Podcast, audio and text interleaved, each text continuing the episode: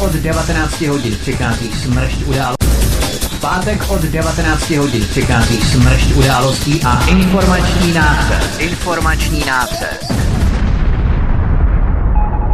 Zapněte si svobodnou vysílačku. Ale zvukově utěsněte dveře i okna, aby vás neslyšeli sousedé. Mohou vás totiž udat za poslech proti evropské propagandy.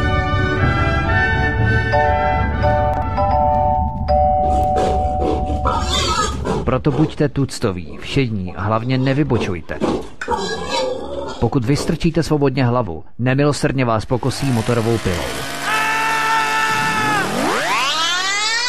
Demokracie? Ano, ale pouze ta po jejich. Proto zapalte svíčky, kupte pár plišáků a semkněte se s námi v boji proti bruselskému terorismu. Šéf-redaktor z pravodejského portálu Ironet.cz pan VK komentuje aktuální události posledního týdne na vnitrostátní i zahraniční politické scéně. Z ganze Čechische Volk ist eine simulantní bande. Zákulisní informace, které se nám vždy nemusí líbit. A komu tím prospějete, co? Geopolitické analýzy, rozvědky, zpravodajské služby. Buďme napřed ve vnímání informačního pole řídících mocenských procesů. Mocenský tenzor je neúprostný. Máte zaseknutý kompas na západ? Každý pátek od 19 hodin si k nám přijďte pro nový, protože nám funguje na všechny čtyři směry.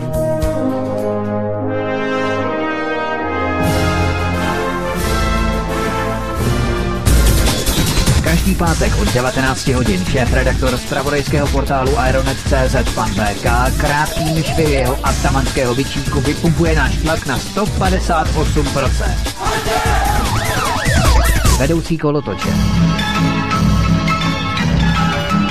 Ve společném programu na svobodném vysílači CS. CS. CS. se spojit s pány, já doufám, že už se slyšíme. Halo, halo, dobrý večer. Tak, Martine, já tě slyším, nevím, jestli slyšíš ty mě. Slyším. Fajn, tak to je skvělý, protože my jsme se zkoušeli právě ještě těsně před 19. hodinou jsem mě aktualizoval Skype na osmičkovou verzi, Aha. sedmičkové verze se vyply, to znamená, já tady za pochodu bohužel omlouvám se, zkouším novou verzi Skypeu a já tedy zkusím, jestli VK se připojí k nám do hovoru. Jo, jo. A zatím tady tady není. Svítí ti tam VK, nesvítí, Martin. Svítí? No já tě slyším, Je? já vás Ahoj, slyším. jo. Ahoj Martine, ahoj, Ahoj, ahoj Vítku, slyším vás oba dva Jo, dobře. jo. Skvělý, takže takové neformální pozdravení VK, zdravím a e, přeju hezký večer a doufám, že si fit a odpočat e, po vánočních svátcích. No, tak víceméně, no, pracovně, pořád i skrze svátky. Durch. Výborně. Tak, Tak. fajn, tak fajn. Tak Martin, nemůžeme začít, nebo tam si ještě mě něco rozpovídá? Ne, ne, No, ne, tak- aby si uvědomili zkrátka lidi, že se tady hraje furt tady nějaká hra. Dobrý, já už nic, pokračujte, je to vaše. Jasně, jasně, fajn. Dobrý, skvělý. Tak ještě jednou já vás vítám poprvé po vánočních svátcích. Eh, My jsme rádi, že jste nám zachovali přízeň rok následující, to znamená tento rok 2019, který bude stejně tak eh, byly nějaké samozřejmě události, ale doufejme, že budou i mnoho pozitivních zpráv tento rok. Ale začneme jednou informací, jedním incidentem, který se přihodil v české televizi. Česká televize totiž opět způsobila další ostudu a roztržku. Incident v pořadu Fokus Václava Moravce způsobil jeden z hostů, František Vrabel, který za souhlasu moderátora zaútočil proti čínskému koncernu Huawei výrokem, že Česká republika by se měla vyhnout síťovým technologiím Huawei a měla by raději používat technologie od západních firm. V tomto pořadu chyběla naprostá jakákoliv vyváženost, protože v této chvíli mělo zaznít, že jistý Edward Snowden popsal už před několika lety, jak všechny americké a západní technologické společnosti poskytují americkým tajným službám přístupy do komunikačních zařízení na základě partnerského programu PRISM. Kromě tohoto, tento přístup nemají pouze americké tajné služby, ale celkem pět různých zemí, které v programu Five Eyes sdílí přístupy a informace ke komunikačním zařízením všech zemí světa. Probíhali jsme to detailně v pořadu 21. prosince, tedy zhruba před třemi týdny, poslední vysílání v roce 2018. Pokud chcete, tak si to pušte, nebo je to i na Aeronetu ten článek o zemích tzv. Five Eyes, tedy spolupráci. Eh, jedinou výjimkou jsou právě ale čínské systémy, do kterých podle Edvarda Snowdena západní tajné služby nemají přístup, i když se o to samozřejmě pokouší například únos, únosy čínských inženýrů a tak dále. Eh, VK, co se přihodilo v té české televizi, proč tato debata způsobila takovou ostrou kontroverzi? Protože ty si v článku popisoval, že i čínská ambasáda to probírá. Ano, samozřejmě. Eh, já teda bych chtěl samozřejmě přivítat všechny naše posluchače a čtenáře CZ v novém roce, abychom, abychom, abychom to takhle zahájili. Ale co se týče vlastně této eh, kauzy, tak eh, ten pořad, zmíněný Fokus Václava Moravce, vlastně byl koncipovaný jako jakási ideologická nalévárna pro diváky na české televizi, kde měl být koncern Huawei vykreslený jako nějaká bezpečnostní hrozba. Celý ten pořad se týkal takzvaných dezinformací. Eh, byly tam eh, na přetřesu jak dezinformační servery, to znamená pro ruské servery, to znamená my, to znamená vy, eh, byly tam informace o alternativní medicíně, o homeopatikách a tak dále a tak dále, to znamená všechno, co jakoby jde do alternativy. To znamená mediální alternativa, léčitelská alternativa, alternativní informace, zkrátka všechno v alternativě. A a když došla řeč eh, právě na bezpečnostní hrozby, tak se hned automaticky diskuze v pořadu přepla na firmu Huawei. Protože všechno, co se teď děje, všechno, co vidíte okolo sebe momentálně v České republice, tak eh, se všechno točí okolo technologie 5G nebo 5G. A proč je to tak důležité? To si přečtete ve všech těch článcích tady ten týden. Já jsem napsal asi tři články tady ten týden na téma 5G, protože e, něco se děje. Je nový rok, 2019. Můžeme si dát ne předsevzetí, ale proroctví. Rok 2019 bude rokem, který bude plný změn. No, to můžeme říct o každém roku, ale tenhle ten rok bude výjimečný. Protože nastane kolaps amerických mocenských sil v Evropě. A 5G je počátkem konce americké e, světovlády. Proč? Z jakého důvodu? E, všichni vidíte, co se děje okolo 5G. E, dnešní den, my to ještě budeme probírat samozřejmě za nějakých pár minut nebo desítek minut, v Polsku byl zatčen místní šéf polské pobočky Huawei, No, ty informace, které jsme dostali, jsou zase jinak, jsou jiné. Ukazuje se, že to vůbec nemá nic společného s Huawei, nebo řekněme s jejich telekomunikačními systémy. Eh, tajná služba eh, polská, polská média uvádí, že se, že se to týká víceméně kriminální činnosti, kdy eh, aby získal odměny za uzavřené kontrakty, tak získával telefonní čísla od eh, jednoho Poláka, zaměstnance eh, Orange, eh, to znamená Orange Poland nebo Orange Polsko, což je jeden z největších operátorů, mobilních operátorů v Polsku. To znamená, tento čínský šéf polské pobočky Huawei si našel člověka u polského Orange a aby mu dával telefonní čísla na vybrané obchodníky, na vybrané silné eh, obchodní partnery v Polsku, které by potom následně mohl kontaktovat a nabízet jim produkty Huawei a za uzavřené kontrakty by měl potom od mateřské společnosti Huawei odměny za uzavření kontraktu. No, to znamená, že je to věc, která má hodně společného s lobbyingem. To znamená vydělávání peněz za uzavírání zakázek. To znamená, nemá to nic společného se špionáží.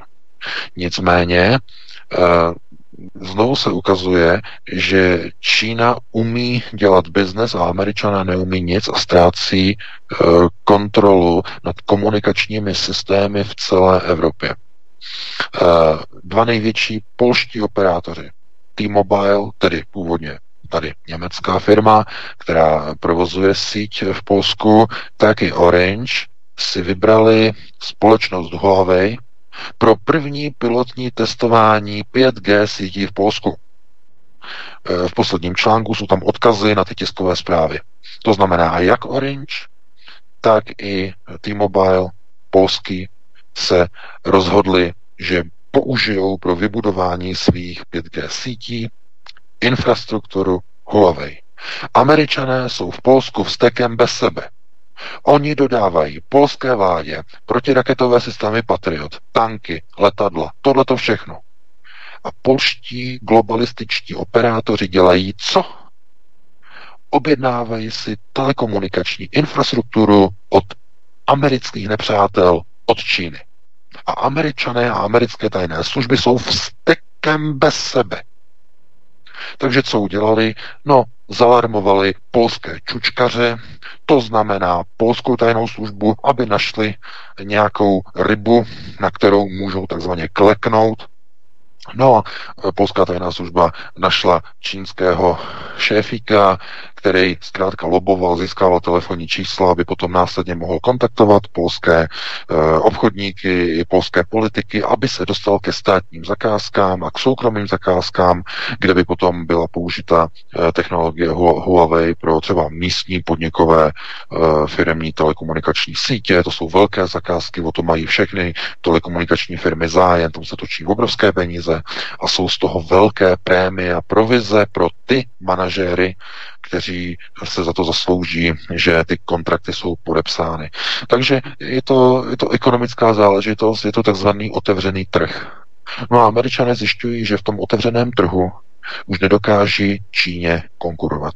Protože, jak uvedl eh, pan prezident Zeman včera eh, u Jaromíra Soukupa eh, na TV Barandov, tak eh, Čína nebo Huawei nabízí technologie, které jsou až čtyřikrát lacinější než e, síťové technologie takzvaných západních partnerů, než jsou západní nebo americké telekomunikační systémy čtyřikrát lacinější. No tak potom se nemůžete divit, že i dva největší polští operátoři telefonní nebo mobilní, že používají pro vybudování svých 5G sítí e, systémy a technologie Huawei. To je potom logické. No a co můžou dělat američané?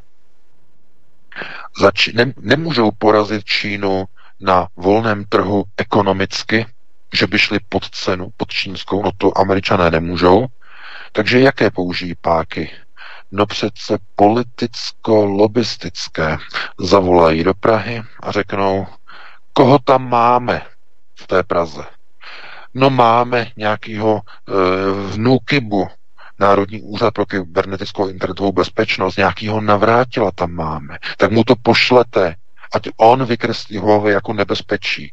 Koho tam máme dalšího? E, máme tam někoho v bisce, no tak mu to, tak to tam pošlete, ať vykreslí Huawei jako nebezpečí.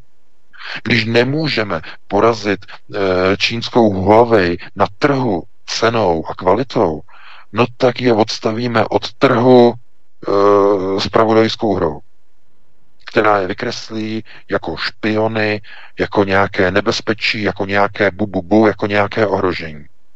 Takže takhle to funguje. A já jsem očekával, že kromě pana prezidenta, ke kterému můžeme mít samozřejmě spoustu uh, výčitek ve vztahu k tomu, jak je, jak obdivuje třeba nevím, některé židovské teze a Izrael a tak dále, s tím samozřejmě nesouhlasíme, ale co se týče ekonomických věcí, tak pan prezident ví přesně, kde stojí. On se nebojí říct tu pravdu na tom Barandově, nebojí se říct, nebojí se to pojmenovat. To mi velmi imponuje, protože on se nebojí. On se to konec konců může dovolit. On je prezident, uh, nikdo na něho nemůže a tak dále a tak dále. Nicméně, já jsem byl úplně rozčílen, eh, když jsem dostal odkaz a potom jsem se díval ještě na eh, potom archivu České televize zpětně eh, na výroky Česk, nebo na záznam České televize a na výroky šéfa poslaneckého bezpečnostního výboru. Šéfem je pan Radek Koten z SPD a já jsem, já jsem slyšel a viděl to video, které, nebo ten rozhovor, který poskytl Světlaně, Světlaně Vitovské z České televize. Ona se ho ptala na to, proč tedy bezpečnostní výbor poslanecké sněmovny eh, přijal včera to usnesení eh, takové trochu bezpohlavní, to znamená, není tam přímo jmenována Huawei, ale je to tam tak jako na jejím základě nebo na základě té bezpečnostní zprávy nebo té hrozby z Nukibu od uh, Dušana Navrátila, šéfa Nukibu, tak na základě toho, jako že je tam výzva, aby přibližně 160 strategických organizací, státních úřadů v České republice, je jich celkem 160, tak aby provedlo bezpečnostní audity svých informačních systémů a de facto je tam jakoby v uvozovkách nebo mezi řádky vyslaný apel, aby se zkrátka vyhly technologiím Huawei. No a část té zprávy nebo část toho povídání, o říkání, které vyrobili eh, v Nukibu, tak je o tom jako to, co je utajené, to znamená to, co je jako tam jako ta hrozba. A když jste sledovali včera pana prezidenta na Barandově, tak on říkal, že Koudelka mu řekl, že oni nemají žádné důkazy, že jsou tam jenom potenciální hrozby. No ano, my já to můžu potvrdit, však v redakci máme, no díky, díky zase jedné dobré duši, které není jedno, co se děje, tak poskytuje nám informace. Tak eh, v té zprávě to, co se, jako to, co, o čem se nesmí mluvit, to, co je jako nějakým způsobem utajené, no tak je přesně to, co se teď vlastně děje v Polsku. To znamená, čínští obchodníci napojení na Huawei e, sbírají kontakty v České republice. To je to ohrožení, o kterém se pořád jako nemluví, nebo je to nebo skoro utajený. Sbírají kontakty na významné osoby, kterým se snaží prodat technologie Huawei. To je, to je ten problém. To je to, co je potřebováno jako hrozba, riziko a nikdo to nechce říct nahlas. Já nechápu, proč je to utajené, nebo je to v té části, jako, že, že tohleto. No to přece dělají všechny firmy. Všechny firmy západní dělají to, že když přijdou do nějaké země, tak hledají kontakty na významné politiky, eh, kontakty na významné obchodníky, takzvané kapitány průmyslu, kontrakty třeba pro Škoda Auto, jaké budou oni používat třeba telefony, jaké budou informační systémy používat, nebo Škoda Plzeň, jaké bude používat informační systémy, to znamená velké podniky. A to jsou zakázky, o které se tyto telekomunikační společnosti opravdu silně zajímají. Tam jsou obrovské peníze a je tam obrovský závazek i do budoucna. Jakmile takovou technologii získáte, eh, tak pro tu firmu jsou to jisté peníze na příštích 20, 30, 40, možná 50 let. To je ta jistota. A navíc je to dobrá reference pro tu firmu. To znamená, že jestliže vy máte Huawei a uh, ona udělá 5G síť tady a tady a tady a tamhle, tak jsou to reference. No a uh, když budeme ještě o tom hovořit, když se vlastně budou 5G sítě e, rozvíjet, tak všichni se budou dívat, dívat po vzorech a modelech. To znamená, Oni tam mají 5G síť, kdo jim to postavil? A oni řeknou, no to postavila Huawei, a kolik to stálo? No bylo to, bylo to levný, stálo to tolik a tolik. No a kdo ještě může vybudovat 5G eh, sítě? No ještě západní partneři, například Sony Ericsson, Cisco, uh, divize Nokia, telekomunikační, ne telefonní, to už zkrachovala, ale telekomunikační. Tohle to všechno oni potom zkouší a oni vidí ty ceny a oni vidí, že cenově nedokáže nikdo ten Huawei překonat protože ta cena tam rozhoduje u těch sítí. To jsou obrovské náklady na vybudování nové sítě, nové generace. Takže eh, hledání partnerů a lobbying, to znamená, kdo má kontakty, kdo rozhoduje o zakázkách. No a Tohle to dělají všichni, to dělají všichni operátoři a to dělají eh, všichni výrobci velkých firm, že lobují a chtějí si udělat schůzku s panem premiérem, chtějí si udělat schůzku s jednotlivými ministry, s jednotlivými náměstky, aby mohli prolobovat a protlačit ten svůj produkt a to své zboží tam do těch konkrétních míst. No a proč to můžou dělat všichni a proč to nemůže ale dělat Huawei? No, protože Huawei není, a je to jasné, není pod kontrolou amerických partnerů. Všechny ostatní firmy jsou. Do všech ostatních informačních systémů západních partnerů se američané dostanou kdykoliv budou chtít. Tam mají svoje systémy, svoje lidi, svoje backdoory, zadní vrátka do těch systémů, tam se všude bez problému dostanou. Tam, kam se nedostanou, to jsou čínské technologie. Čínské čipy, čínské integrované obvody, čínská zařízení, do nich se nedokážou dostat. Proto oni provádí i takové ty únosy těch čínských inženýrů.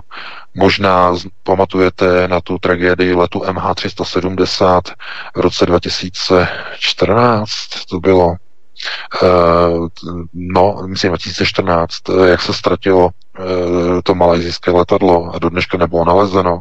No tak tam byli čínští odborníci z čínské firmy, zmizeli, kteří vyráběli procesory a integrované obvody. No, tak se říkalo jako na alternativě, že možná unesli, aby se potom americká NSA dostala do backdooru a do, do, do čínských čipů. Byli z toho úplně zoufalí, že se nemůžou dostat do čínských integrovaných obvodů. No, takže to všechno zapadá do sebe, to jsou ty souvislosti. No a já bych právě očekával, že tohleto, když na alternativě vědí lidé a vědí to i politici, že se proti tady té manipulaci postaví a že nebudou se připojovat proti hysterii, proti Huawei a nebudou se stavět uh, proti hysteriím, uh, proti Rusku a hysteriím proti komukoliv, když je naprosto jasné a evidentní, kdo zatím stojí. Takže já jsem taky očekával, že SPD spolu s KSČM, že bude proti, protože je to naprosto nesmysl. Je to zinscenované americkou lobby v České republice, která zkrátka vidí, že přichází o zakázky, že přichází o vliv a že jí hrozí, že ztratí kontrolu nad telekomunikačním prostorem nového věku, nad, na, nad 5G sítěmi.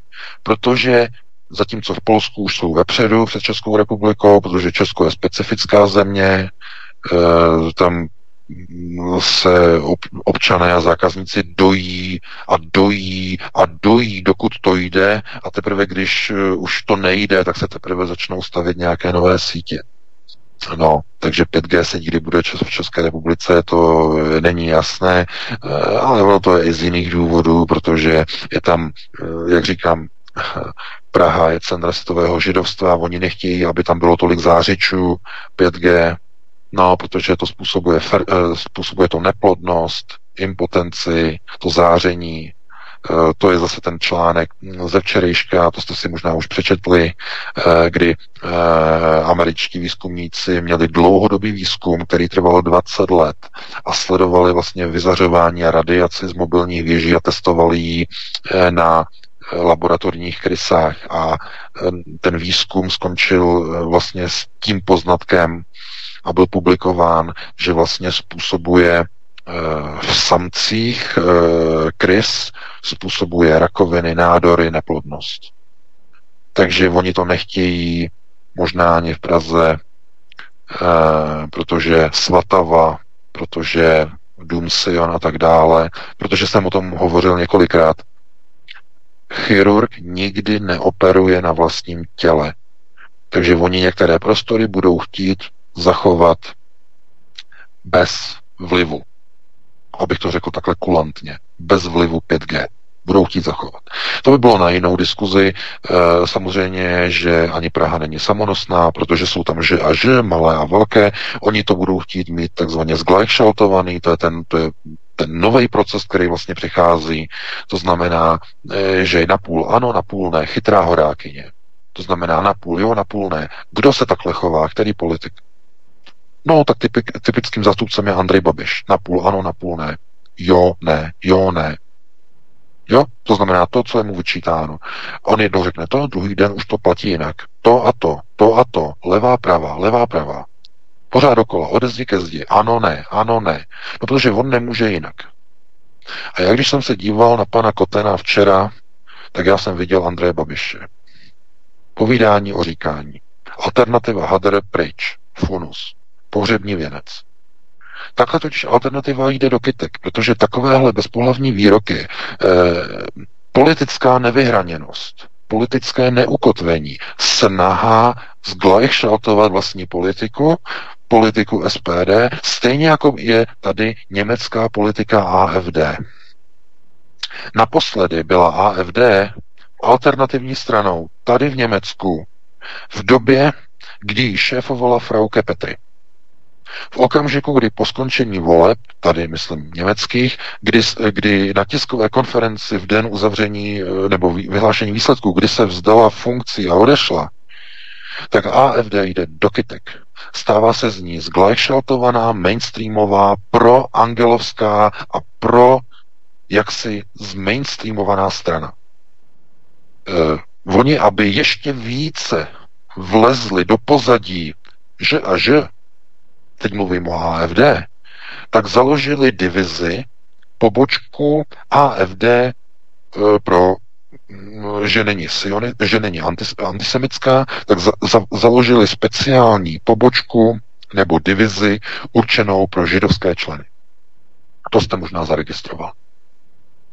To znamená, snaží se... Z, eh, je, je trošku rasistický, ne, jenom pro židy. Ano, přesně, je, no je to rasistický, ale já chci říct jednu věc. Kolega taky říkal, no teď už jenom chybí, aby udělali, udělali aby aby někoho nepopudili, tak je třeba, aby to vyvážili a udělali ještě pobočku pro migranty. No a potom už je budou volit všichni. Potom už budou jako mainstreamová strana. Durch úplně jako mainstream. To znamená, že eh, znovu, oni říkají o AFD, že je řízená opozice. A já jsem tomu nevěřil, já jsem říkal, jako, že oni tam mají různý lidi, tohleto, tohleto, tohleto. Ale když se Alice Weidel a uh, Alexander Gauland, když se dostali k moci, oni dva to vedou jako v tandemu, oba dva, no tak když na ně začala vyplouvat ta informační realita, že ona je Eh, tohleto, že ona je lesbička, což jako to byla rána, ale co, tak nikdo to neřešil. Jako jo, Dobře, ale budiš. A potom na ní vyplulo to, že pracovala pro Goldman Sachs. No, to už bylo přes čáru pro mnoho lidí. Ale to nebylo všechno. Když se zaměřil, zaměřil hledáček na Alexandra Gaulanda, tak se zjistilo, že je členem a přispěvatelem a redaktorem Rotary magazínu, to znamená Rotary klubu. To, to je, to je uh, klub, elitní klub, židozednářský klub. Takže oni se na to dívali a oni nerozuměli tomu, jako, jak je to možné. On je rotarián. No, tak a vyplovalo to, no před několika měsíci to na něj vyplovalo. To vyhrabali to někde na internetu, tohleto, že je rotarián. Tak hlavně on působil ještě v CDU dříve, ještě navíc. A, no, no, samozřejmě, ale to, to, takhle tady pro Němce je to, to je něco jako když byl v ODS a dneska je někde jinde, třeba v SPD a tak dále. A, e, pardon, aby jsme přímo nějaký jmenovitě ne, ne to ne, neukazovali. Fialový až dost. No, no, no, ale to, tak, takhle, takhle se na to dívají Němci, jako jo, že někdo byl v CDU a najednou je v AFD a to je něco jako když někdo byl v ODS a přešel třeba v České republice do SPD. Jo? Takže tak se jako tak na to někdo dívá jako uh, s křivým pohledem, někdo, někomu to nevadí a tak dále, to nebudeme komentovat. Ale uh, když vlastně se ukazuje, že v čele oni mají de facto dvě figury, které do určité míry jakoby rozhodně nemají nic společného s alternativou, no tak najednou začalo lidem docházet, proč ta Frauke Petry Eh, nad tím zlomila hůl a odešla. A proč to nekomentovala? Proč mávla rukou a řekla, že pryč? No. A co to znamená? No, řízená opozice. To znamená, nespokojí Němci, kteří chtějí změnu. Co s něma udělat? Když je takzvaně neobsadíme, teda containment, eh, neobsáhneme, nezadržíme, nějak jen e, neschrneme dohromady pod nějakou kontrolu, tak oni udělají nějaký převrat, nějakou revoluci, nějaká povstání. To nemůžeme dopustit. Takže co se udělá? No, alternativa. A kdo má nejvíc? Ke komu se nejvíc oni připojují. Takže oni zjistili, že nějaká AFD, no a AFD pomalu byla infiltrována infiltrována různými gaulándy, byla infiltrována různými, uh, různými uh, Alicemi Weidl, byla infiltrována různými dalšími z různých kruhů a když přišly volby a když skončily volby, tak zkrátka už v té době byly uvnitř AFD takové určité posuny ideově ideologické, že Frauke Petry řekla, ne, na tom já se účastnit nebudu. A to je to, co je natolik sympatické. No, mnoho lidí to vyčítalo, jako že zradila, že odešla, když bylo hotovo, takzvaně. Proč to udělala? No a teď zpětně se ukazuje, že měla jako jediná charakter. Proto já se obávám, aby hm, alternativa nedopadla jako s pohřebním věncem, jako tady AFD. To znamená, že e, budou pronášeny výroky a politické kroky, které budou SPD přibližovat k mainstreamu. To znamená Gleichschaltung alternativní politické strany, respektive strany, která se deklarovala jako alternativní. A to pořád je pořád dokola, že musíme nějakým způsobem se vymezit proti někomu, to se pořád o tom říká, že vymezování se, aby ti lidé, kteří volí tu alternativu, tak aby viděli a věděli, že ta politická strana si za něčím stojí, i když je to nepopulární i když budou na tu stranu útočit, i když budou probíhat procesy k nějakým, řekněme, dehonestacím a diskreditacím, tak i přesto si udržet ten postoj, i když to třeba povede k tomu, že z toho nebudou žádné politické vývary, žádné kšefty, žádné trafiky, žádné pozice ve výborech. Jo, zkrátka takto tvrdě na to jít. A ten volič, koncový volič, ten to ocení. Ten koncový volič nebude e, nešťastný z toho, že ta strana je v opozici. Ne, ten volič bude vidět, že oni tam jsou a oni drží tu naší linii. A uvidí to i voliči ostatních stran. Vidíte, oni jsou pevní oni e, nemění své názory, nebo oni si jdou za tím svým. E, podívejte se na opoziční strany, e, když to vezmeme z opačného gardu, třeba ve sněmovně, podívejte se, jak posilují Piráti. No, z toho žádnou radost nemáme, samozřejmě. To je tragédie. Jenže proč oni posilují? No, protože oni nechtěli jít do koalice, oni jsou proti Babišovi, tohle to je všechno proti, proti, proti, proti. A mnoha lidem to imponuje, že oni mají tu zásadovost. A to, že, zásadovost, že ta jejich zásadovost je naprosto zvrácená a špatná, to je na jinou diskuzi. Ale zkrátka to určité skupině lidí imponuje, ta zásadovost. No, Výsledkem potom je, že jsou různé průzkumy, které ukazují něco, které můžou být zmanipulované, nějaké poklesy, nějaké nárůsty SPD a tak dále a tak dále. E, o to ani teď momentálně nejde, protože do voleb je daleko, to není vůbec třeba řešit. Nicméně Tohle to všechno se bude sčítat. Všechny ty nešťastné výroky o tom, že nechceme vystupovat z NATO a kdyby ano, tak bychom to nedoporučovali a všechny ty nešťastné tiskové konference po boku eh, demobloku ve věci vyslovení nedůvěry Babišové vládě a různé takové ty postoje proti Huawei a spolu se všemi proti Huawei, když je jasné, že to řídí americké lobby, která chce vyštípat Huawei ze střední Evropy z jednotlivých kontraktů, tak to zkrátka jenom povede k tomu, že se to nasčítá a ten alternativní volič v nějaké chvíli si řekne, no to je řízená opozice, to nemá smysl, to nemá cenu. No a e, co nastane? No naprostá deziluze. A výsledkem bude, že ti lidé už nepůjdou příště k volbám. Ne, že eh, půjdou volit někoho jiného. Ne, ne, ne. S tím nepočítejte. Většina z nich už nepůjde k volbám. Protože bude natolik zklamaná, že nepůjdou. No a přesně o tady to jde globalistům. To znamená, odpor opozice je třeba i řídit. To znamená infiltrace dovnitř, dosazení různých, ne úplně řvoucích, lidí, kteří by tam nepasovali, i když i to se přihodilo v České republice, to je třeba říct, protože jestli něco poškodilo i před komunálními volbami SPD, tak to, byl ten, to byla ta šílenost s Hinkem Beranem, velmistrem židozednářské lože Ordo Pregenzy z Praze. To do dneška dostávám e-maily o tom, že proč, proč k tomu tak došlo, kdo, kdo to řídí vlastně. Kdo to řídí. Jo, dotazy, kdo to řídí, kdo to tak jako našteloval a e, na, vymyslel a promyslel. No já, to, ne, já na to odpovídám jednoduše. Tak se podívejte tady do Německa na AFD. E, když Gauland e, podle těch posledních informací těch neonacistických webů, o kterých si můžeme myslet cokoliv, je to nejhorší nebo nejlepší podle toho, jakou máte politickou orientaci, ale oni na něho vyhrabali, že má kontakty na londýnskou zednářskou loži Ordolu Menzis, přímo na Rothschildy. No, že tam měl s nimi kontakty. A navíc je Rotarián. A je, je spolupředsedou AFD. A potom se podíváte do České republiky a vidíte, že někdo se snažil dostat na čelo kandidátky v Praze Hinka Berana, velmistra e, pro změnu pražské zednářské lože. To je tragédie.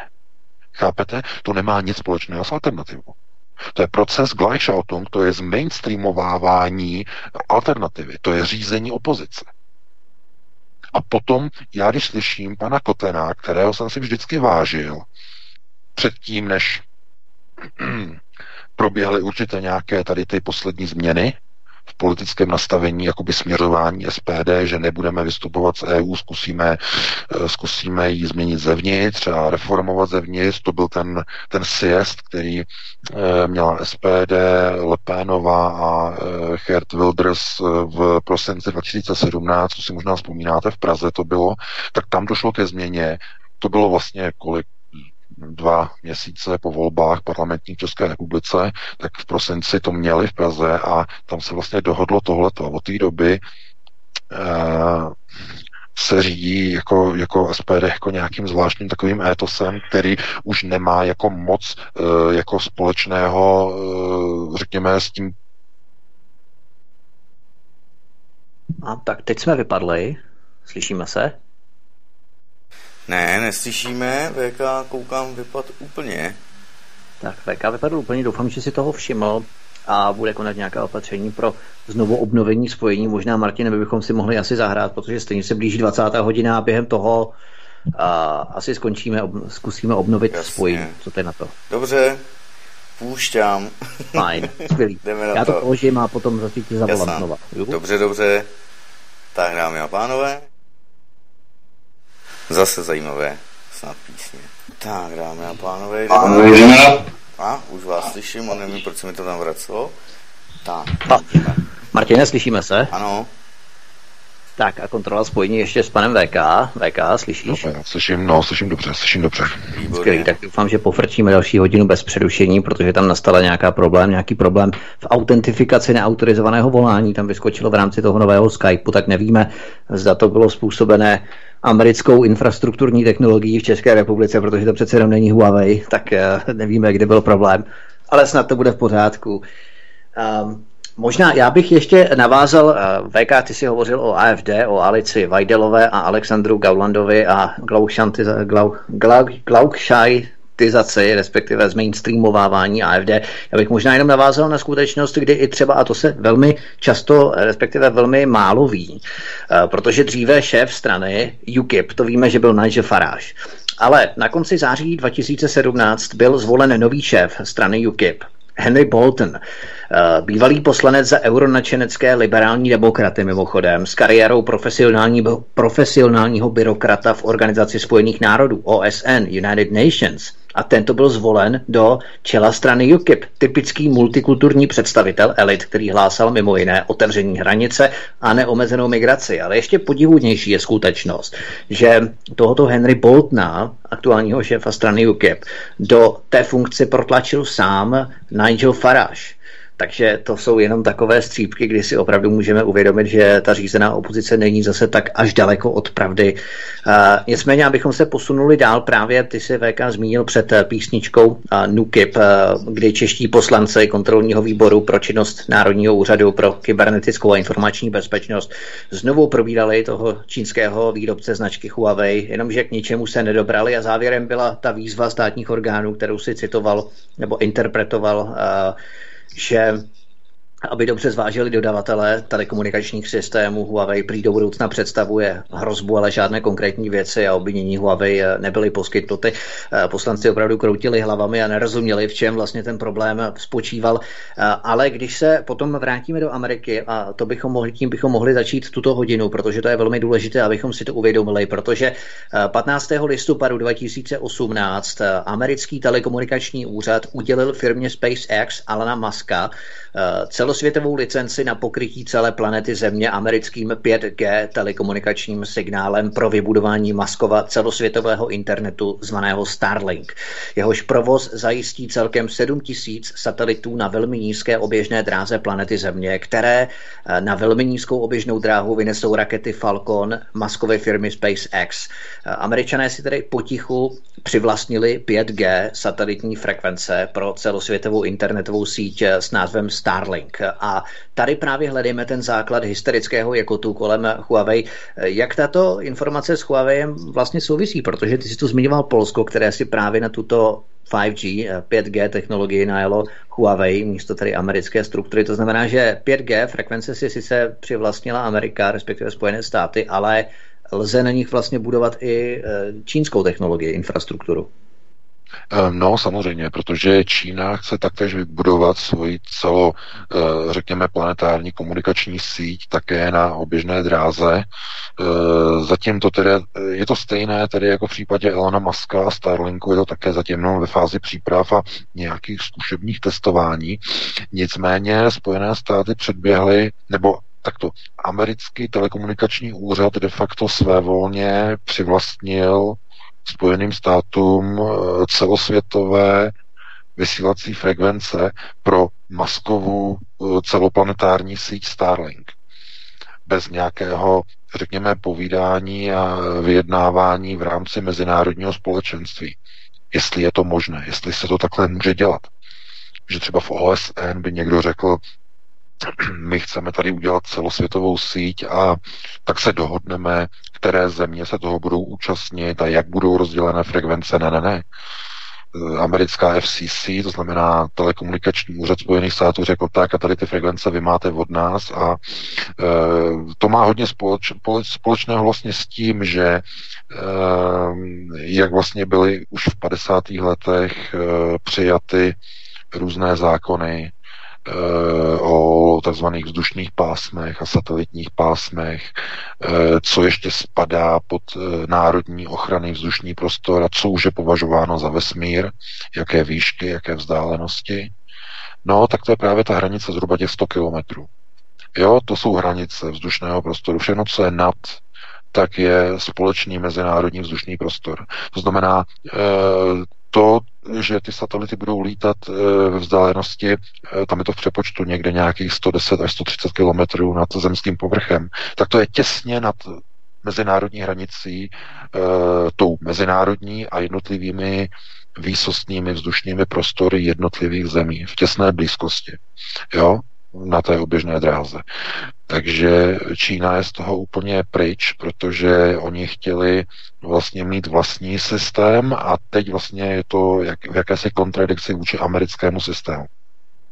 A jak je možné proti tomu bojovat? No, že Čína bude silnější na zemi. To znamená infrastruktury 5G, když budou čínské, tady, tamhle, v Evropě, v Ázii, tak američané nebudou moci využívat tady ty čínské infrastruktury na zemi pro svoji americkou satelitní síť. Oni to vědí, američané. To znamená, nemůžou americké satelity komunikovat s těmi čínskými pozemními základnami dole. Takže to je boj o převzetí telekomunikační světovlády. A víte, že se hodně mluví o novém světovém řádu, o celosvětové vládě. No jenže ta celosvětová vláda to není jenom vláda. Usiluje se o celosvětovou měnu, to znamená peněžní jednotku. Usiluje se o celosvětovou armádu. O, usiluje se o celosvětové systémy řízení. No a co potřebujete ještě k tomu? No celosvětovou komunikační síť. Protože jednotlivé komunikační sítě dne, dneška telefonní i datové, jsou národní, vybudované před mnoha a mnoha, mnoha dekádami v rámci národních států. Přejedete z jednoho státu do druhého a už tam máte jiné ceny za telefonní spojení. Tolik a tolik a tolik a tolik a tamhle a tohleto a roamingy a tohleto všechno, kromě Evropské unie, to už jako sjednocené, ale tohleto a i tam jsou ještě výjimky. Takže ale to oni nepotřebují. Oni potřebují něco, co bude globální komunikační síť. Global Communication Network. To oni potřebují. No a nic takového zatím neexistuje. Existovaly určité pokusy s, s takzvanými satelitními telefony. E, možná jste slyšeli někdy o síti Iridium. E, nicméně to bylo několik satelitů, nevím, jestli to ještě stále v provozu, asi jo, myslím, že jo. A je to neskutečně drahé a vlastně kromě volání tam, nebo nějakých SMS, které jsou předražené, tam vlastně nejde dělat vůbec nic. No, takže to nelze použít pro dnešní moderní komunikační internetovou dobu. Takže je třeba vyrobit celoplanetární komunikační a datovou síť, která poskytne internet, obraz, televizi, SMSky, volání automaticky, tohleto všechno a hlavně sledování a řízení. Protože vzhledem k technologii, jakou používají 5G technologie, půjde de facto Můžete si to představit jako o obrovskou síť, která bude ozařovat celou planetu. Poměrně značným výkonem z té uh, orbitální dráhy. Protože ty frekvence, které masková síť Starlink dostala od amerického telekomunikačního úřadu, uh, se nacházejí v milimetro, to jsou milimetrové vlny v rozsazích okolo 40 GHz tam je to vypsané v tom článku, v té tiskové zprávě, okolo 40 do 45, tak nějak eh, je to tam eh, vypsané. No, to znamená, eh, že i ta technologie vlastně má svá značná omezení, to znamená, pokud výkon vysílače není dostatečně silný, tak ty milimetrové vlny nelze protlačit skrze pevné překážky. Aby byly protlačeny, musí být výkon vysílače zesílen velmi značně. To znamená, proto, když se podíváte na to video eh, ze včerejšího článku na Aeronetu, kde vlastně je ukázáno, jak vypadají ty malé mobilní věže rozmístěné v Kalifornii, eh, před okny, de facto několik metrů před okny ložnic eh, majitelů bytu, mají tam ložnice a před okny ložnice mají postavený stožár a tam budou vysílat si tyhle ty jednotky 5G, které, které jim budou vlastně zářit přímo do pokoje. 24 hodin denně. No, takže ta technologie sama o sobě de facto je technologií radiační, to znamená, aby e, chom dneska se dokázali na to podívat tak jako z jakého důvodu a proč, no tak největší limitací dnešních sítí to jsou ty staré 2G sítě, klasické, pak máte 3G a 4G, ty moderní LTEčka, No tak všechny tyhle ty networky nebo tyhle ty sítě mají ten problém, že e, mají relativně ve srovnání k tomu 5G mají relativně malé propustné pásma. Velmi malá. To znamená, velmi rychle dochází k zahlcení při vyšším používání dat, stahování nějakých filmů nebo nějakých velkých balíků a tak dále, k rychlému zahlcení dochází. E, ta výhoda 5G je obrovská, de facto neomezená propustnost, takzvaná superskalarita. Já jsem napsal tom článek, jsem se to pokusil vysvětlit, nevím, jestli to všichni po, eh, jako pochopili, co je tím myšleno, protože ne všichni mají technické vzdělání, to ani není účelem tady, to, tady těch článků, ale zkrátka můžete se představit tak, že čím více uživatelů 5G bude připojeno do sítě, tím rychleji pro všechny uživatele síť bude fungovat. A to z toho důvodu, že každé koncové zařízení 5G bude nejenom přijímačem, ale bude i vysílačem. To znamená, bude moci fungovat jako mobilní komunikační jednotka pro ostatní uživatele. V tom je ta převratnost 5G technologií. To znamená neomezený růst. 5G sítě, neomezený růst. No a slovo nebo spojení termín neomezený růst, to už jste někdy asi určitě také slyšeli ve spojení s něčím jiným. Neomezený ekonomický růst. To znamená globalistické teze. To znamená, že sionisté. Proto se neustále říká, že musíme v rámci globálních ekonomik udržet eh, nebo zachovat udržitelný a neomezený a nekonečný růst. A když máte neomezený, nekonečný růst, tak potřebujete i neomezenou komunikační síť, která bude mít stejné charakteristiky, bude mít nekonečný růst. Čím více zařízení bude aktivováno, nakoupeno a vyrobeno, tím větší, silnější a e, propustnější ta síť bude. To je to, co je tou alfou a omegou deploymentu nebo nasazování nebo rozmistování e, těchto těch 5G sítí ve světě. Protože vzájemně budou propojené, vzájemně budou komparativní, pakliže budou poskytnuty stejným dodavatelem. A to je ten hlavní háček. To znamená, že když bude všechno Huawei, no, tak američané utřou ústa. Myšleno jejich ekonomické zájmy, jejich firmy a i jejich špionážní služby. Utřou ústa. A stejně tak obráceně. Když budou všechny americké, tak Čína si neškrtne. Takže je to obchodní válka, můžeme říkat, nové éry, nového milénia, 5G, nebo válka o 5G. To je to, co právě v této chvíli momentálně zažíváme. No a při této válce se používají všechny metody, všechny nástroje, nejenom ty férové, správňácké, že na trhu vyhraje ten, kdo přinese nejlepší zařízení za nejnižší cenu. Hm, kde pak? To už se dávno takhle nedělá. Oni už nemůžou Čínu porazit férovými správňáckými metodami lepších produktů, no to už vůbec ne. Se podívejte, co vyrábí Apple. To, je neuvěř, to jsou neuvěřitelné věci, co, jaký pád a degradaci inovací zažívá Apple. Zastarává, zaostává. Po smrti Steva Jobse de facto jenom jako deklinace, to znamená pád, pokles inovací. To, je, to bylo na jinou diskuzi. Takže zkrátka oni ztrácí a Čína najednou, dříve to bylo vždycky tak, jako že co je čínské, to je nespolehlivé a šunty a šmejdy a tak dále a tak dále, ale to už dávno neplatí, to už dávno ne. Protože dneska všechno se vyrábí v Číně. A aby to bylo absurdní a komické, tak i ty Apple se vyrábějí v Číně. I ty Apple, i ty telefony, i ty notebooky jejich, všechno v Číně. No a co udělala Čína?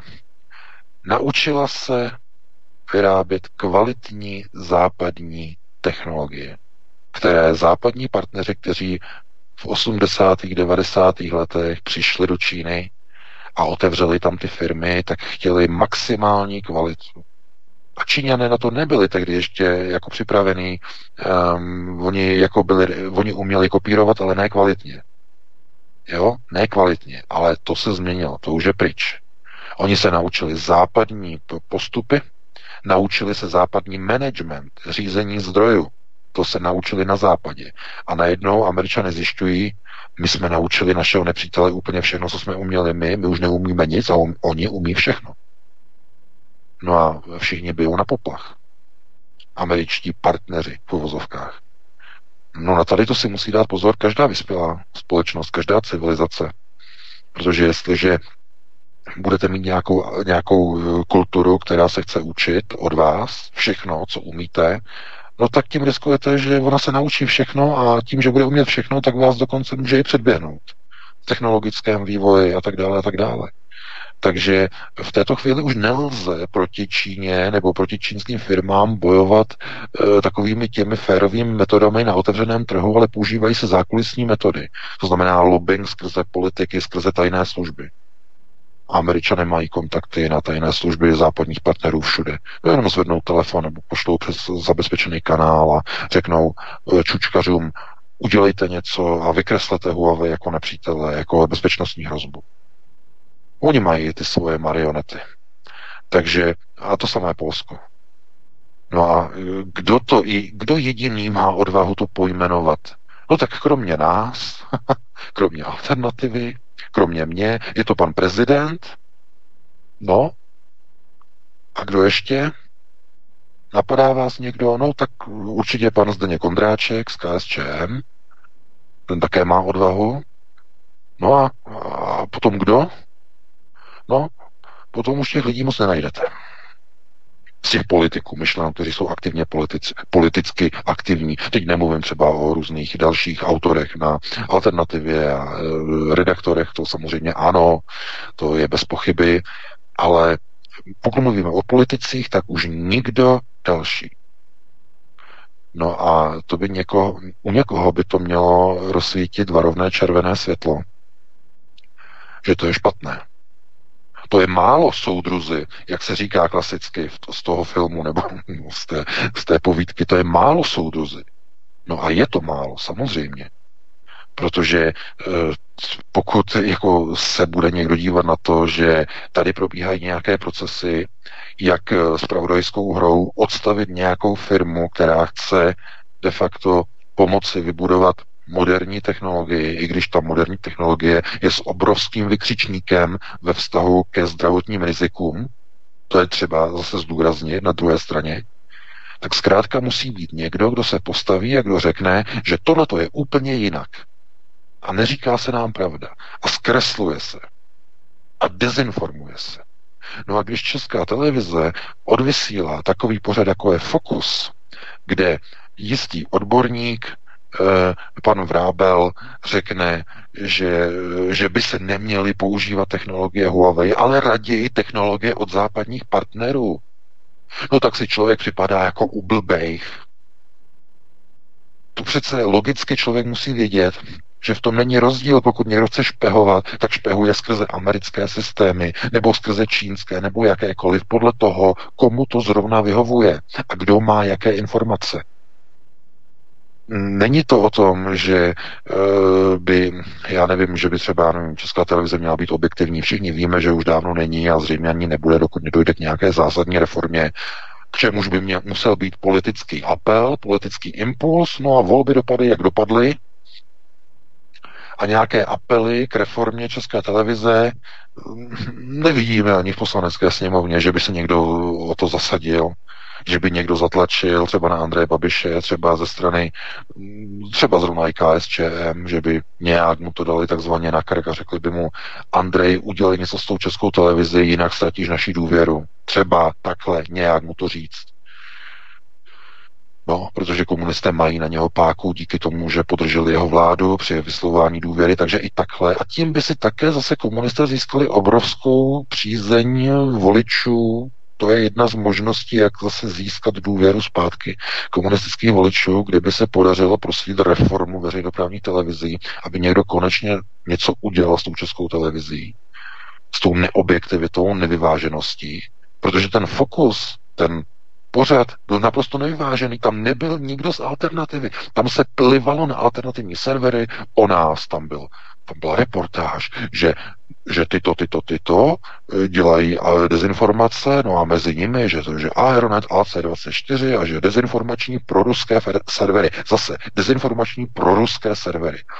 Já jsem se teď díval, já jsem procházel Eh, jako archiv a všechno. Já jsem se, a hledal jsem pro ruské články na Aeronetu, no a za, já nevím, za těch pět let, no to už bude pět let letos, je v provozu Aeronet, budeme mít výročí, a eh, tak já jsem tam našel, já nevím, nějakých eh, asi 10 nebo 15 článků z těch, já nevím, kolik jich tam, skoro přes tisíc, 1500 článků, nebo kolik jich, nevím. A e, to jsou nějaké články, prostě, které reagovaly ještě v roce 2015 na události na, e, na východní Ukrajině, kde jsme přebírali informace od ruských serverů a kde jsme komentovali věci, které se dějou na Ukrajině, no tak tam, kdybych se na to podíval jako z pohledu někoho opravdu nestraného, tak bych řekl, no tak tenhle ten článek čerpá z ruských zdrojů, tak někdo ho může ano označit za proruský. To ano. Jenže to už je dávno pryč poslední xx ehm, let my píšeme o úplně jiných událostech, o jiných věcech, ale neustále nálepkují, že jsme proruský, proruský, proruský, proruský server. A když jsme třeba, nevím, pokrývali informace ohledně kauzy Novičok, no tak jsme přebírali informace zase od západních médií. Od Guardianu jsme přebírali informace. No a to těžko by někdo nazve Guardian, že je to ruský nebo proruský server. Takže to takhle vůbec nefunguje, tak to není. A víte, oni mají jiný důvod, proč takhle pořád útočí, protože jak třeba na Aeronetu, tak i na některých dalších serverech zkrátka zaznívají mm, i takové ty věci, které odhalují aktéry, takzvané loutkovodiče. To znamená, kdo skutečně stojí za světovými procesy. To znamená sionistické systémy řízení, různé války a boje mezi Ž a Ž. A jim to vadí, protože když se potom podíváte, že e, máte nějakou alternativní stranu, právě zmíněnou AFD tady v Německu, a najednou zjistíte, že kdo se ujal, kdo se uchopil po odchodu Frauke Petry té moci, tak tam zase a zase a zase vidíte lidi napojené na Dům Sion, to znamená Alice uh, Weidl, pracovala pro Goldman Sachs, je tohleto lesbička, no a pro změnu zase Gauland, napojení na zednářskou loži v Londýně a ještě ke všemu Rotarián. Takže židozednářský klub Rotarián. No a potom někdo si řekne, jako kdo řídí svět, e, voliči, nebo tohleto, nebo pronárodovci, nebo e, někdo, kdo je osvícen. No ano, na začátku jo, na začátku třeba to řídí někdo, kdo je osvícen, třeba nějaká frauke nebo někdo jiný. Ale mnoho z těch lidí zkrátka, pokud na to nemá žaludek, tak odejde.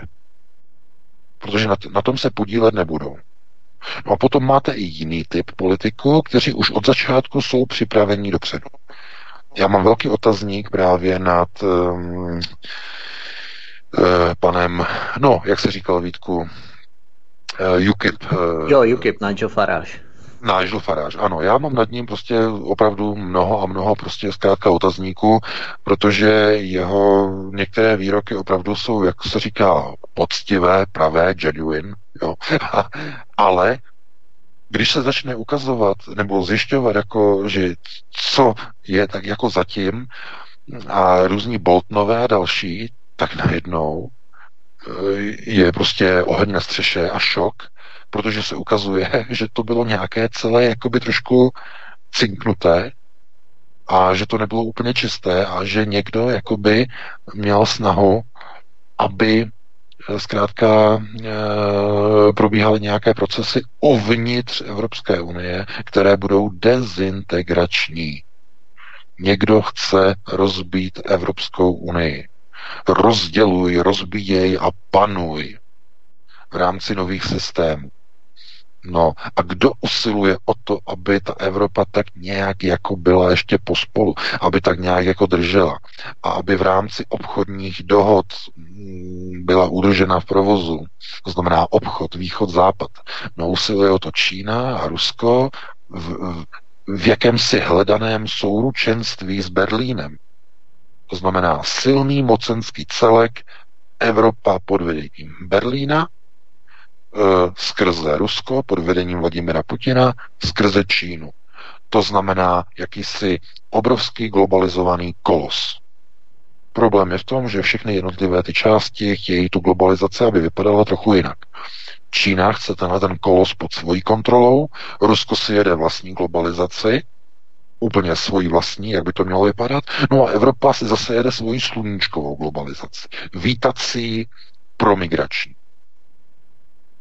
No ale tohle to samozřejmě někomu nevyhovuje. To jsou určité věci, které e, můžeme říkat, že eh, představují jenom určitou nástupní platformu k něčemu, protože je ještě druhá moc a e, snaha za každou cenu vyřešit onu globální otázku, to znamená světové vlády, skrze zajištění zdrojů, kde jediné zdroje, které jsou k dispozici, tak jsou v Rusku.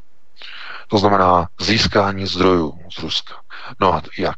Zase dvěma způsoby to jde. E, obchodně, privatizačně, to znamená vnitřními procesy vys jelcinizace Ruska v 90. letech, převedení majetkových práv z Ruska do nadnárodních sionistických rukou, nebo i židovských rukou, to je důležité a o to právě jde v dnešní době. Protože k majetkům v 90. letech v Rusku se nedostali, eh, i když ano, k některým ano samozřejmě, ale k většině majetků se nedostali světoví sionisté, ale místní židé, ruský židovský kongres. Oni. A to, to, byl, to je prapočátek veškerých problémů a dnešních problémů a e, útočení proti Rusku. Protože světoví sionisté vidí, že nemůžou realizovat světový systém řízení, jestliže nebude zdrojově zajištěn.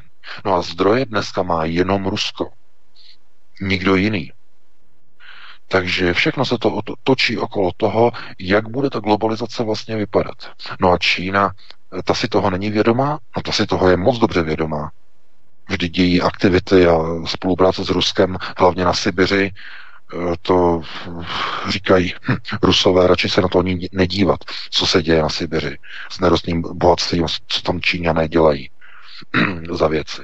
Takže ano, zdroje, zdroje, zdroje a zase jenom zdroje, protože tu světovou vládu, tu světovou globalizaci, ten jeden jediný světový řád nelze realizovat, pokud nedokáže nabídnout řešení největší problém dnešní doby.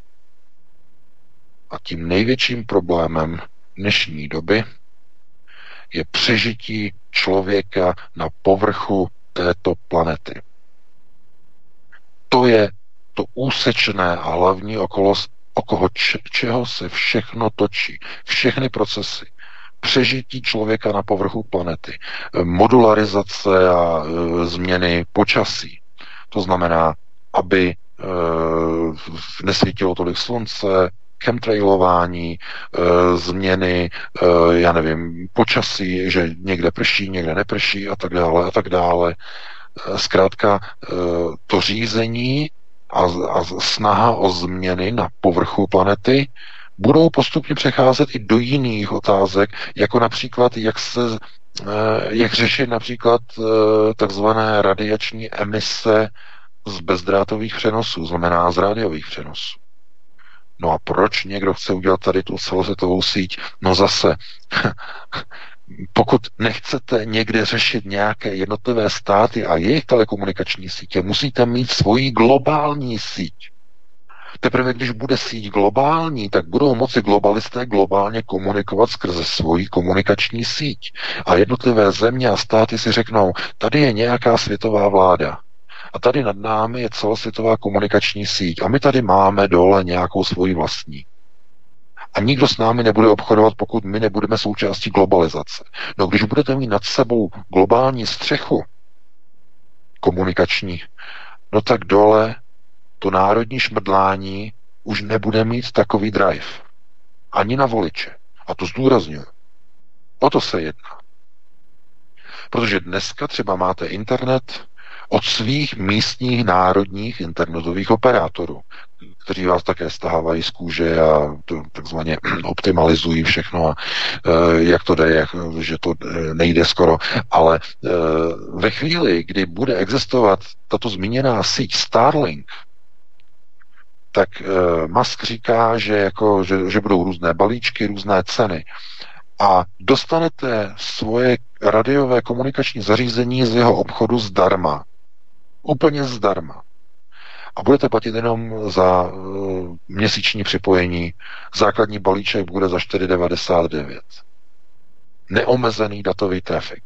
Za 4,99 myšleno v dolarech. Teď nevím, kolik je kurz. Nějakých 120 korun měsíčně za neomezený data. No, tak nějak. Takže to osloví hodně lidí. Proč by platili nějakému T-Mobileu, nebo proč by platili nějakému outu nějakých 500, 700, 800 korun za tady to a za tohle, když to může mít od maska globálně ze vzduchu na zařízení na krabičce, kterou stane zadarmo, bez vázanosti. On to chce dělat bez vázanosti. No, to znamená, zlikviduje národní operátory mobilní. Nikdo mu nebude moci konkurovat. komunikačně. Takže ta globalizace i ta celosvětová síť vlastně povede k tomu, že najednou lidé řeknou, my chceme raději zboží a produkty od globální společnosti. My necháme tady tu národní firmu pochcípat, aby zanikla. Protože nenabízí tak laciné služby, nenabízí tak kvalitní služby. No. A e, té globalizaci nepůjde e, konkurovat finančně. To vidíte na Huawei. Huawei nejde konkurovat finančně, protože za ní, kdo za ní stojí? No, globalizace. To jsou globalčiky, kteří stojí za Huawei. Takže tohleto má velké komplexní přesahy, eh, na to bychom eh, vyplýtvali mnoho a mnoho času. Eh, já ti předám slovo Vítku a také k tomu něco řekneš a pustili bychom se ještě do dalšího tématu. Já teď váhám, jestli se máme pustit ještě do vysvětlování nebezpečnosti a rizika spojené právě se, se zaváděním 5G technologií, ale zkusme to jenom naťuknout, protože pak tady máme ještě aktuální incident v Německu, který se tam přihodil, ale americká televize CBS na jaře roku 2018 přinesla reportáž z kalifornského města Piedmont, přesně to si naťukl, teď vlastně i minulou hodinu. A já, bychom, já bych to rozvedl, protože to je velmi důležité, abychom si uvědomili. A tady místní zastupitelé na nádlak občanů zakázali americké telekomunikační společnosti Verizon instalaci nových 5G věží přímo v blízkosti místní školy a před okny rezidenčního komplexu, kde mají lidé okna do svých ložnic, přesně jak si to zmiňoval. Stejně tak americkou společností otřásla report reportáž o hasičích, kteří měli na své stanici nainstalované dvě mobilní věže a po nějakém čase se u všech hasičů začaly projevovat výpadky paměti, dezorientace v prostoru a v čase a zmatenost. Lékař u všech hasičů zjistil buněčné poškození mozku. Aby to bylo ještě skandálnější, v zemi svobody ve Spojených státech mají velmi podivný telekomunikační zákon. V čem spočívá ta kontroverze toho telekomunikačního zákona VK pro občany Spojených států? Opravdu zkus to prosím tak na pět, deset minut pak ještě no, si Německo. Ta zajímavost spočívá v tom, že američané mají přímo ze zákona zakázáno žalovat telekomunik- telekomunikační společnosti za to, nebo obvinovat je z toho, že radiové vlny a tyto věže vyvolávají zdravotní problémy a zdravotní poškození. Nemůžou, mají to zakázáno v zákoně. to je něco neuvěřitelného. To je možné jenom v anglosaském právu, normálně v evropském právu to možné ani není. Jo, veškerá poškození se nedají eh, dávat jako do zákonu jako něco, co eh, by bylo takzvaně abstrahováno od eh, funkčnosti zákona. Ve Spojených státech to možné je. Takže američané, když, já nevím, mají před domem, já nevím, vysílací věž, která je vzdálená 10 metrů před okny a já nevím, třeba po dvou letech se objeví u celé rodiny rakovina, tak oni nemůžou toho operátora s tou věží zažalovat, protože to je přímo zakázané v telekomunikačním zákonu. to je možné jenom v zemi svobody v úvozovkách myšleno.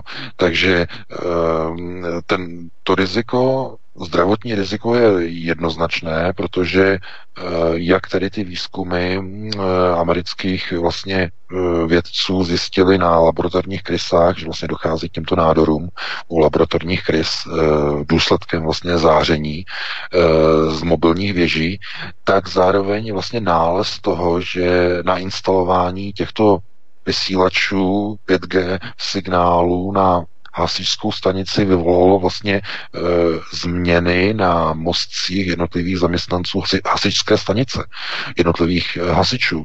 E, takže to jsou naprosto alarmující informace. No a teď si vezměte, že o tom se vůbec nemluví. Tady je sympatické na tom, na tom to, že třeba ty americké televize se nebojí o tom vysílat a e, dělat reportáže.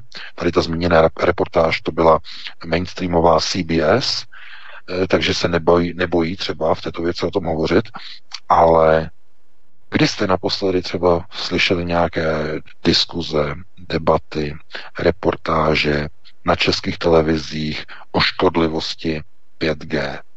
Nebo nejenom 5G, ale jakýchkoliv uh, sítí, i těch starších 4G, 3G a tak dále. No, neslyšeli jste. Protože to není ve veřejném zájmu. Lobistické skupiny telekomunikačních společností ovládají politické struktury i mediální struktury. Takže se o tom hovoří zase a píše jenom na alternativě. No a potom se mainstream diví, že ztrácí vliv. To je jednoduché. Protože jestliže tyto informace nezaznívají na mainstreamu, tak se tím musí zabývat alternativa, která může, které to nevadí, která nemá za sebou nějaké oligarchy, kterým by to vadilo. No, takže uh, zdravotní rizika uh, hlavně spočívají tedy v tom, jak je uvedeno v tom mojem článku, že de facto se jedná o milimetrové vlnění, uh, radiační výkon, který klesá vlastně s druhou mocninou vzdálenosti od zdroje, klasické radiové vlnění. A víte, když máte takový vysílač blízko u domu, tak to něco udělá s vaším organismem protože to jsou normálně radiové vlny poměrně značného výkonu. A hlavně, aby tedy to bylo ještě více vysvětlené, tak e, ty frekvence už jsou tak vysoké, že to milimetrové záření zkrátka má problémy pronikat pevnými překážkami. Na nižších frekvencích vlny bez problémů procházejí s dmy a budovami a tak dále. To znamená, čím nižší frekvence, tak tím lépe a snáze proniká velkými a mohutnými překážkami.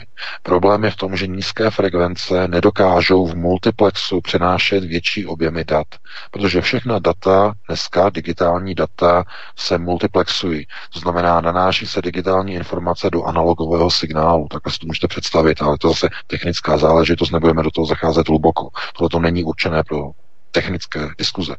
No a e, ten 5G, nebo ta 5G síť bude umožňovat vlastně skala, ne, ska, e, skalární, nebo říkáme superskalární e, e, multiplexování. To znamená, že čím více zařízení se do sítě připojí, tím větší bude propustnost dat. To je ten základní princip neomezeného růstu sítě. To je ten zlatý grál všech komunikačních systémů. Bude to ale vykoupeno strašnou cenou a obrovským radiačním emisním spadem v uvozovkách, znečištěním, protože ty vysílače které vys- budou vysílat na milimetrových frekvencích, budou muset, muset být rozšířeny a rozmístěny tak hustě a na tolika místech, aby pronikly do jednotlivých budov, kde můžou potom svůj signál nabízet jednotlivým zákazníkům. To byl jiný pořad eh, zase na americké televizi, já jsem tomu nedělal titulky, to už jsem neměl čas, kde vlastně ukazovali, že je mrakodrap, a oni, aby vlastně dostali ten 5G signál do té 80 podlažní budovy, tak musí každé tři patra mít na čtyřech rozích mrakodrapu jeden vysílač.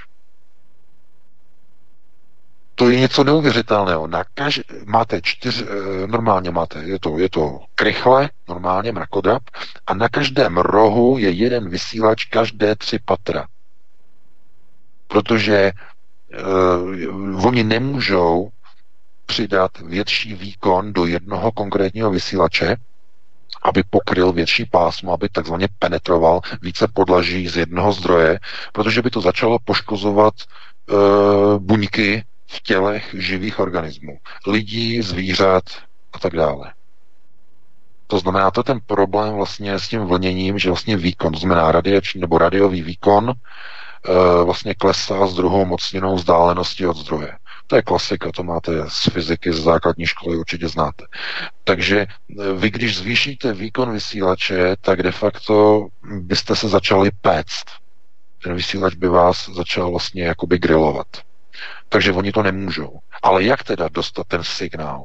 No, že rozmístíte na daném patře nebo v daných patrech více menších a méně výkonných vysílačů. Znamená, tím se to vyrovná, ten nedostatek, ta nedostatečnost vlastně průraznosti těch vln radiových na milimetrové vlnové délce. To je tragédie. Takže oni tam právě říkali, že oni mají vlastně ten mrakodrap, tohleto a e, že jako se na to dívají jako trošku jako zvláštně, místní, že vlastně na každých třech, pat, e, třech patrech, že mají vlastně vysílač. a teď se zamyslete, jak obrovský biznis to bude pro výrobce těch vysílacích věží, těch panelů. Když na každém patře, na každém rohu v ulici bude muset být jeden vysílač o určitém jmenovitém výkonu, který nebude smět být převýšen výkonem, aby mm, někoho nezačal grilovat, takže těch, budou to stovky a stovky milionů jednotlivých vysílačů, rozmístěných 20-50 metrů od sebe. Nová 5G síť.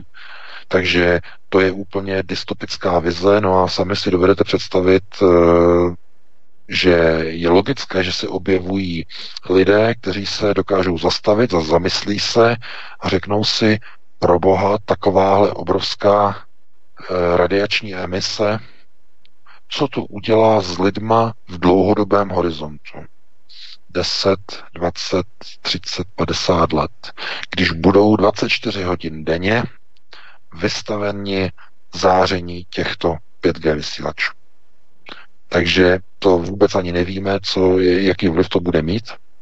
A vzhledem k tomu, že ve Spojených státech si to raději dali do zákona, aby lidé nemohli žalovat, tak si asi dovedete představit, že to úplně nebude košer.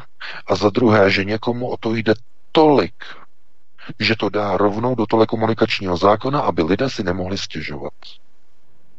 To znamená, to je něco podobného jako to byly dřív jako různé věci, jako že se nesmí prostě říkat, já nevím, že třeba mléko, že z mlékáren tohleto, že třeba může mít, e, když krávy za komunistů se, se pásly na práškovaných loukách, takže to mlíko není zdravý.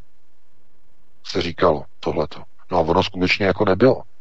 No, protože ty krávy, když měly chemii a žrali chemii, no tak to mlíko nebylo košer úplně. Potom se to omezovalo v druhé polovině 80. let, ale tehdy se o tom nesmělo psát, nesmělo, bylo to zakázaný. No, a to bylo s mlíkem. No tady teď eh, soudruzi američani to dělají to samé, ale s, s mobilními sítěmi. Dělají úplně to samé. Oni vědí, že to není košer, ale dají to do zákona a nesmí se to kritizovat. Ti komunisté to aspoň do zákona nedali. E, to bylo jenom pouze v rámci nějaké cenzury, že v novinách se o tom nepsalo a když, tak tam třeba byl článek, který to takzvaně vyvracel.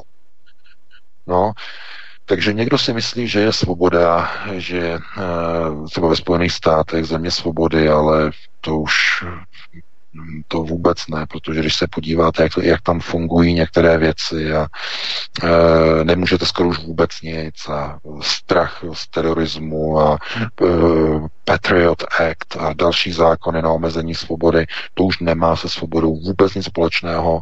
Po 11. září ze Spojených států se pomalu a polehoučku stává totalitní společnost, e, prošpiclovaná a e, navíc ještě rozvrácená různými takovými, řekněme, proglobalistickými jevy, různými antifami, různými věcmi, které vlastně rozvrací Americkou republiku. A na straně druhé jsou zase váleční fanatici a jestřáby, eh, kteří zase mají druhý extrém Amerika na prvním místě a mm, zbrojení a zbrojení a zbrojení a, a tak dále a tak dále. Tohle to nepomáhá Americe, nikdy to nemohlo ani pomoct, ale zkrátka Eh, ta polarizace společnosti tam je, stejně jako je v Evropě, jako je ve všech zemích v Evropě polarizace.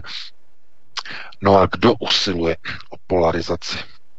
Aby jednotlivé národy mezi sebou se takzvaně, no, pomlátili, nebo poštěkali a šli proti sobě, obrátit národy proti sobě ve válkách občanských. A kdo potom zvítězí.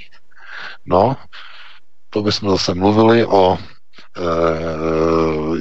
těch, kteří mají velké ž a malé ž. to bychom hovořili zase o nich. Protože když se podíváme na první světovou válku, když se podíváme na druhou světovou válku, když se podíváme na Koreu, když se podíváme na, na válku ve Větnamu, kdo profitoval, kdo na konci byl ten hlavní, kdo z toho měl takzvaně v uvozovkách největší vývar, vojensko-průmyslový komplex, kdo ho vlastnil, kdo ho dodnes ovládá, kdo, kdo jsou akcionáři, společností jako uh, General Dynamics a uh, všech zbrojních firm jako uh, Rockwell a další. No tak tam zase vidíte ty rodiny, pan Bauman, Silverstein, je, tam, je tam Goldman Sachs, JP Morgan, no, je tam David Cohn, no, majitele, největší akcionáři amerického zbrojního průmyslu. No, kdo to jsou? No, že a že. A teď jako a, a američané a mluví, a američané chtějí mluvit o demokracii. Jo, demokracie. Jdou k volbám a volí. Velké že, malé že. Republikáni, demokrati, demokrati, republikáni. No, takže je potom těžké dělat někdy nějakou alternativu, když vlastně lidé e, volí alternativně, alternativně a chtějí tedy nějakou, nějakou změnu. Chceme změnu. No a ta změna potom se jenom vlastně přetaví do mm, nějaké figury, na kterou potom vyplave, že je někde v nějakém klubu, je rotarián nebo někde vyplave, že dělal někde nějakého velmistra nebo někde někoho vyplave, že dosadil potom po sobě do čela eh, někoho, kdo byl velký sluníčkář a velký fanda do evropské integrace. Lidé potom ztrácí důvěru, nastává skepse a vyhovuje to těm, kteří usilují o celosvětovou vládu. Protože každá takováhle věc, kdy lidé ztratí důvěru, pomáhá globalistům. Protože lidé jsou eh, potom ve stavu rezignace a oni řeknou, už nejdeme k volbám, ať si to udělají oni. A to je přesně to, co oni chtějí. Protože i kdyby volby měly účast jenom 8% nebo 5%, tak oni se zvolí sami, oni vás nepotřebují ke hře na demokracii. Oni se zvolí sami. Takže proto je důležité, aby alternativa byla autentická. To je ten pravý výraz. Autentická alternativa. Nemůžete dělat autentickou alternativu s židozednáři v čele. Pro Boha. Nemůžete dělat autentickou alternativu výroky, že my nechtěli vystupovat na to a kdyby, tak bychom hlasovali proti. A nemůžete dělat alternativu tím, že se postavíte někde vedle na tiskovce, vedle e, de, takzvaného demobloku. A ani nelze dělat alternativu tím, že jste členy nějakého rotariánského klubu a stavět se ve věci naprosto jasné americké provokace a americké spravodajské hry proti Huawei na stranu onoho mediálního mainstreamu a říkat, my vyzýváme k nějakým bezpečnostním úpravám v ochraně e, naší české bezpečnosti, přičemž ten dokument jasně mluví jenom o jedné jediné firmě, čínské Huawei, jako hrozbě, no tak je to licoměrnost a najednou už to ztrácí ten pro alternativní poctivý rozměr. Najednou se tam dostává jakýsi podtext jakéhosi Gleichschaltungu, to znamená jakéhosi mainstreamovávání oné alternativy, to znamená obrušování hran, to znamená řízení opozice. Já to vidím, kdybych to neviděl tady na AFD, tak uh, bych ani nemohl to nějak porovnávat, jenže já to porovnávám s, uh, s SPD a já, se, já jsem zděšen, že to, co tady probíhalo před, no, půl rokem, půl rokem zhruba v AFD, teď se kopíruje do Česka do SPD. Ty samé výroky, bezpohlavní, různých výborů, musíme se bavit o koncepčních řešeních, ála, e, pan Sobotka, e, jo, že je tohleto a takhle a abychom si nikoho nenaštvali. To není alternativa. Já opravdu říkám, jděte do sebe. SPD, jděte do sebe. Nebojte se řešit a na, nazývat věci pravými jmény. A teď ne, ne, nemluvím k voličům, mluvím k politikům ve sněmovně. Dělejte politiku natvrdo, jako Frauke Petry, nebojte se. Když je něco špatného, tak na to ukažte prstem. Nebojte se e, negativních nějakých nálepek někde v nějaké české televizi. Nebojte se toho. Jděte do toho. Získáte si podporu a přízeň těch alternativních voličů, kteří hledají to světlo. I když zase s těmi světly v temnotě Mesiáš nese lampu, to je zase v kabale. Tohleto to je velmi nebezpečné, ale pokud ten uh, světlonož zkrátka uh, to myslí dobře a upřímně, by měl použít výraz uh, zesnulého pana Grosse, tak uh, zkrátka je to pořád lepší, než uh, když se do té temnoty jde za výkřiku uh, jen více a více, jdeme do hlubin země, je tam teplo, to nám stačí. No, to je citát taky zase z těch obrazů, no, e, jak to potom probíhá. No, takže to bychom zacházeli příliš daleko do zase úplně jiných e, obrazů. E, já ti vrátím slovovítku. Máme nějakých e, pět minut, šest minut do 21. hodiny, dal bych ti ještě slovo a aby si také k tomu něco řekl. Možná VK, kdybychom se měli vyjádřit a specifikovat trošku, co znamená ta rozploucenost nebo eh, polarizace, rozdělení společnosti. Eh, společnost, která vlivem různých eh, vnějších znaků, symptomů směruje právě do nějakých občanských nepokojů, tak bychom si to mohli vykreslit právě na onom incidentu v Německu, protože německá média řeší politicky motivovaný brutální útok na poslance německého Bundestagu za AFD Franka Magnice, který byl v úterý v Brémách napadený skupinou neznámých mužů. Magnic právě vycházel z místního muzea umění a mířil k parkovišti a svému autu. Když byl napaden skupinou neznámých mužů, kteří ho začali mlátit baseballovými pálkami nebo trubkami, přičemž mířili na hlavu s cílem zabít. Magnic skončil v bezvědomí s těžkým poškozením hlavy, frakturou lepky a byl převezený na traumatologické oddělení místní nemocnice.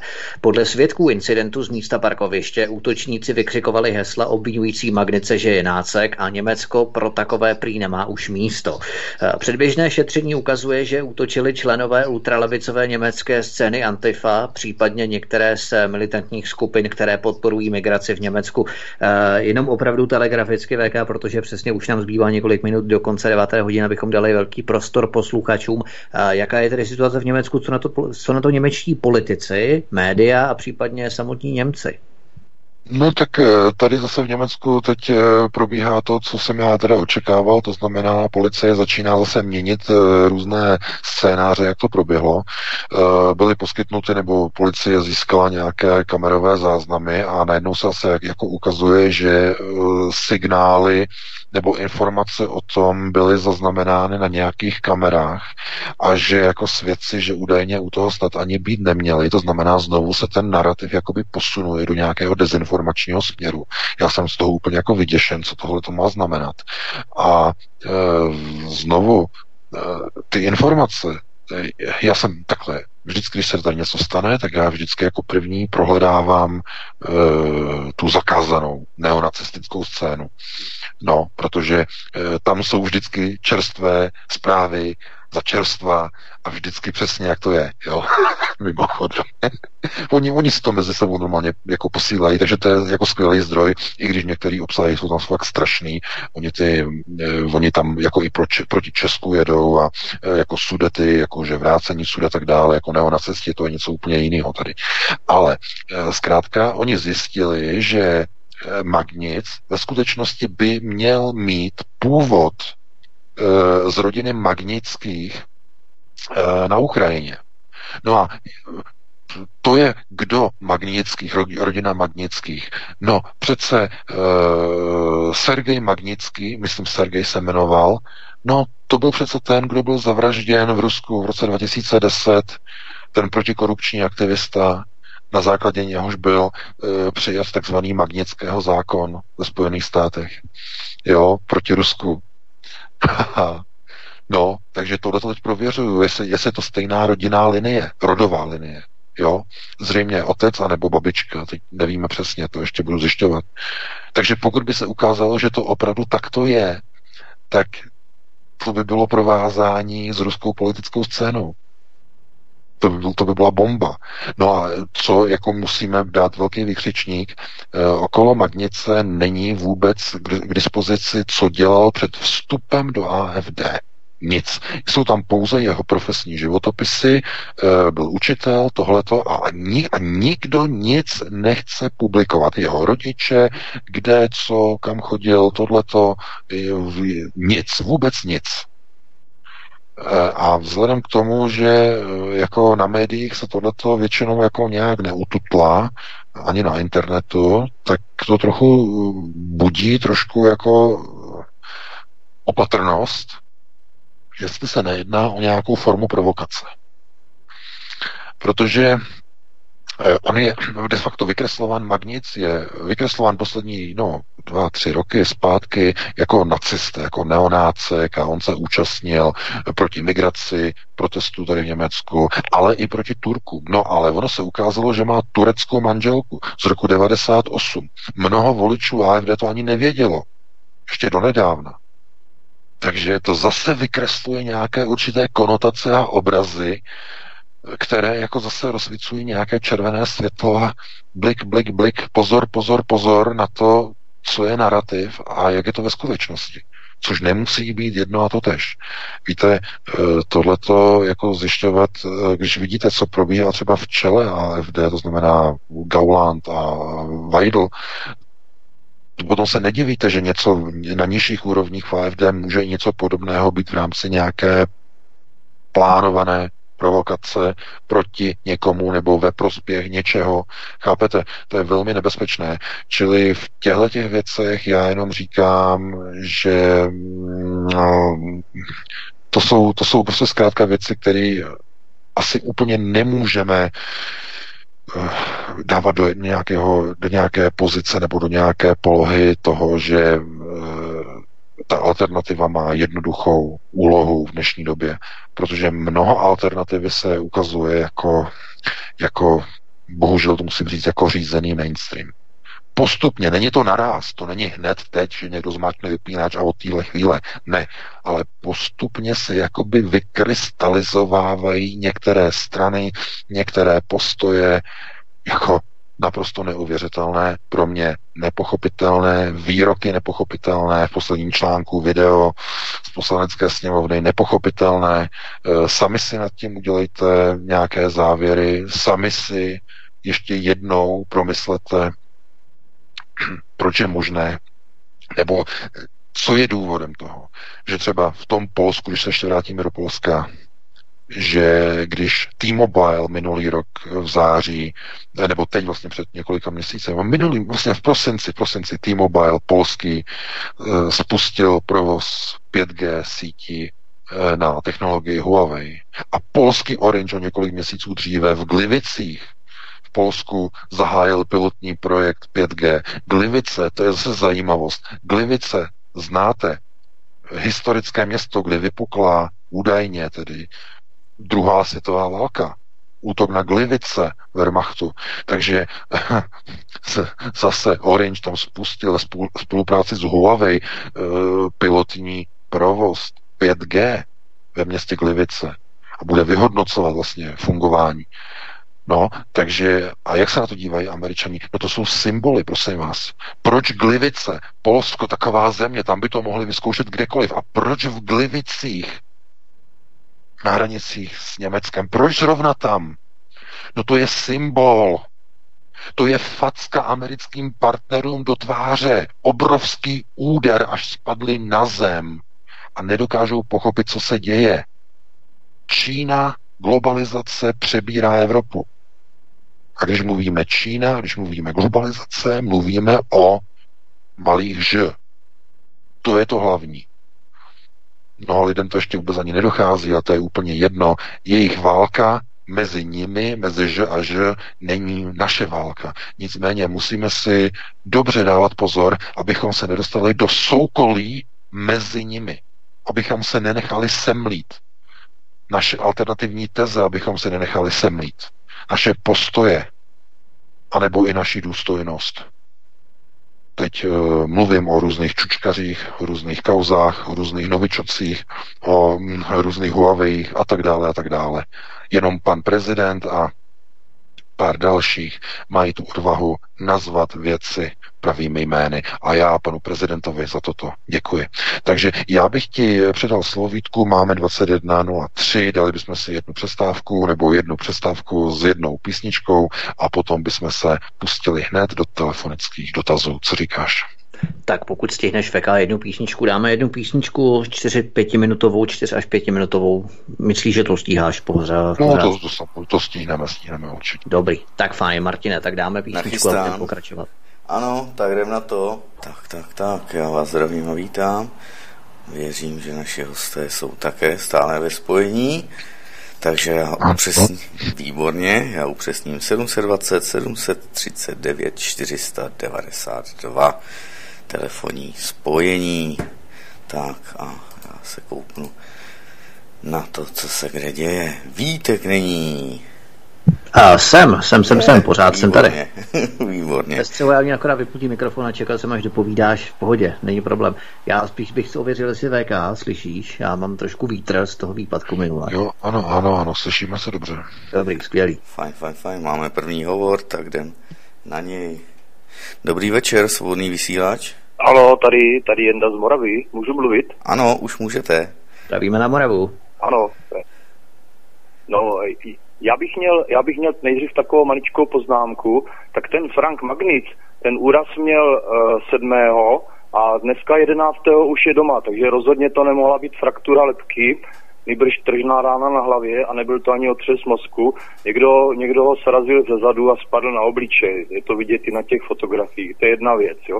Takže žádný mlácení tyčema nebo pálkama, to by ten člověk byl mrtvý, nebo kdyby ho kopali do hlavy. A rozhodně za čtyři dny by nemohl být ze špitálu venku.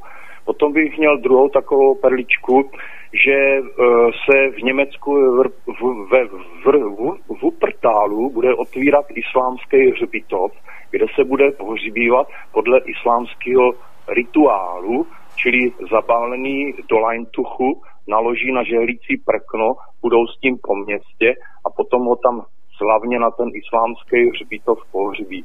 To je další taková perlička. Dneska to, je to, je to i na internetu všude vidět. A za třetí k tomu, k té AFD, ta končí, protože z toho národoveckého křídla odchází André Pogenburg, který zakládá novou stranu a Björn Hecke, další taková významná osoba pravého křídla AFD, je odstavená k ledu. Takže to je tohle ta věc. A potom bych měl ještě spíš dotaz, jak asi dopadne hlasování o Brexitu, který bude v úterý. Mm-hmm. To je všechno, děkuji. Dobře, Budu děkujeme. poslouchat. Zdravíme na No, děkujeme, děkujeme za dotaz. No, tak eh, mluvili jsme zrovna o tom, že eh, já mám nad eh, Frankem Magnicem opravdu ten otazník, nebo spíš vykřičník, protože ty informace, které najednou v narrativu se začínají měnit, tak ukazují, že musíme si dávat pozor, jestli se nejedná o nějakou provokaci, která měla za úkol něco vykreslit tak nebo tak. To je, na to si vždycky musíme dávat pozor, protože když vidíme, eh, jakým způsobem se AFD mění, a to není něco jako pěkného povídání o tom, jako jak se mění, jak byl nějaké alternativní teze, najednou z toho vlastně vylezá zglajša- jinak to nelze nazvat, zglajšaltovaná prostě nějaká polo, jakoby, rádoby mainstreamová strana, tak e, tam už není žádný prostor pro národní teze. To je naprosto logické, že potom odcházejí další, to je úplně na jinou diskuzi.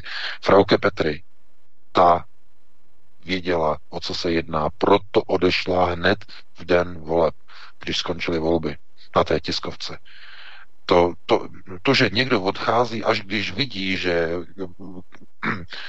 že se prchá z lodi, která, se, která jde ke dnu, s, alternativ, s, těch, s těmi alternativními tezemi, tak to už něco jiného. Ale Frauke Petry to věděla hned na začátku, že kam to míří. No a co se týče Brexitu, eh, já vám to řeknu takhle. Um, oni budou se snažit najít nějakou dohodu, ale Británii je v podstatě v této chvíli úplně jedno, protože uh, Británie už ztratila svoji vládu sama nad sebou a uh, veškerou moc v Británii převzal Dům Sion, Dům Rothschild. Britská královna byla odstavena, včetně její rodiny, která je islamizována teď v této chvíli. Takže nad Velkou Británií je zlomená hůl a um, ona může ještě nějakým způsobem teď v této chvíli uh, bude sloužit v následujících letech. Právě tento rok 2019 je tak důležitý uh, jako výchozí platforma pro útok uh, proti Rusku a Číně. To je hlavní, protože znovu, chirurg nikdy neoperuje na vlastním těle. A oni nechtějí být Rothschildové nechtějí být součástí rozbíjení Evropské unie. Proto oni vystupují. Až vystoupí, tak začnou probíhat v Evropské unii ty, ty, ty destrukční procesy. Islamizační, proislamizační a zároveň v boji o moc s americkými elitami, které budou se ve svém záchvatu boje o přežití, protože američané končí, tak se budou snažit utrhnout se z rozpadající Evropy k sobě své věrné části jednotlivých zemí. Od, proto je teď ten boj tak vypjatý, že věrní partneři Američanů jdou na ruku americkým elitám. Polsko, momentálně Praha. Ale ne celá Praha. Jenom Praha okolo Strakovy akademie. Vláda. Nikoli Pražský hrad. To je důležité. Protože že a že prostor nad Mahrálem, kde se neútočí, kde oni nesmí mezi sebou bojovat.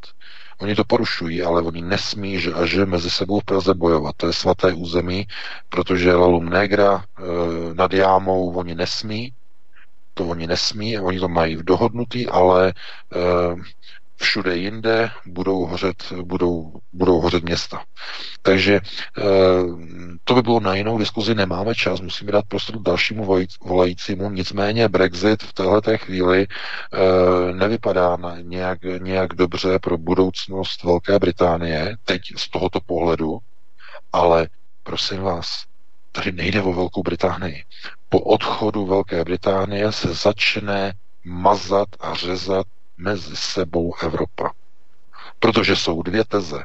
Promysle, pro, pro, řekněme, pro muslimsko-integračně globalistický a ten, řekněme, pro americký. V téhle chvíli. Jenže problém zase o ukotvení Evropy není o tom, jestli bude Evropa, já nevím, mít americké zboží nebo globalistické zboží, o to vůbec nejde. Jde o výchozí platformu pro boj a pro získání přístupu do Ruska. To je to hlavní. A globalisté budou chtít jít cestou obchodu, budou chtít jít cestou rozvratu Ruska zevnitř, to znamená to, co oni umí, to, co oni dělají, no a američané na to si vezmou beranidlo. Jenže oni ztrácí sílu. Oni ztrácí sílu na Ukrajině, oni ztrácí sílu na Blízkém východě, stahují se ze Sýrie, takže e, i Spojené státy se rozpadají přímo zevnitř, no a Donald Trump tomu úspěšně pomáhá. Všema silama. A, a, a z jakého důvodu? No paradoxně tím, že prosazuje koncepci Amerika na prvním místě. Protože když v globalistické zemi, jako byl ještě donedávna Spojené státy, Pax Americana, začnete prosazovat pro národní teze, tak tím de facto zlikvidujete moc, globální moc Spojených států. Ono to zní neuvěřitelně nebo nelogické, ale je to naprosto logické. Protože globalizace znamená přenášení zájmů do ciziny, do globálního světa. Jestliže Trump to obrátil, začíná se zaměřovat do Spojených států na America First, tak to znamená, že Amerika jako globální velmoc pomalu končí. Takže to je ten hlavní bod. A e, Velká Británie to se hraje ještě svoji hlavní úlohu, ale na to opravdu nemáme čas, musíme dát prostor dalším volajícím. Dobře, dobře, už je nachystaný. Dobrý večer, svobodný vysílač.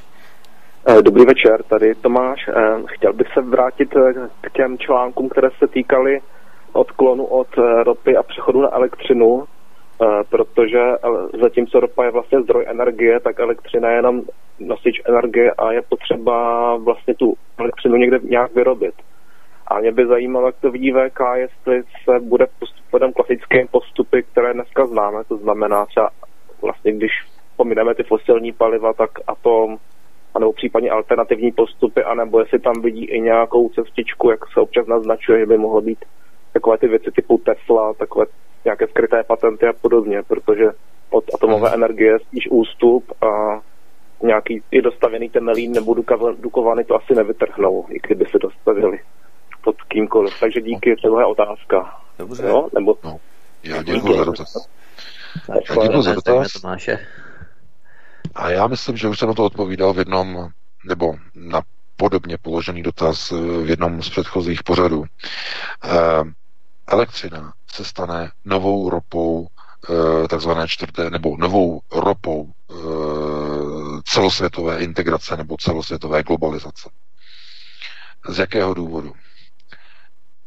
Proto se podívejte, že snaha o přechod z emisních, nebo lépe řečeno z fosilních paliv na elektřinu bude mít za následek obrovský nárůst poptávky po elektrické energii, která ale trestu hodně, pokud se podíváte okolo sebe a nemáte klapky na očích, se nikde nerealizuje nové zdroje, že by někdo teď honem, honem začal stavět stovky a tisíce nových elektráren, aby to bylo možné zmanažovat ty miliony a stovky milionů aut, které budou susat elektrickou energii každý den.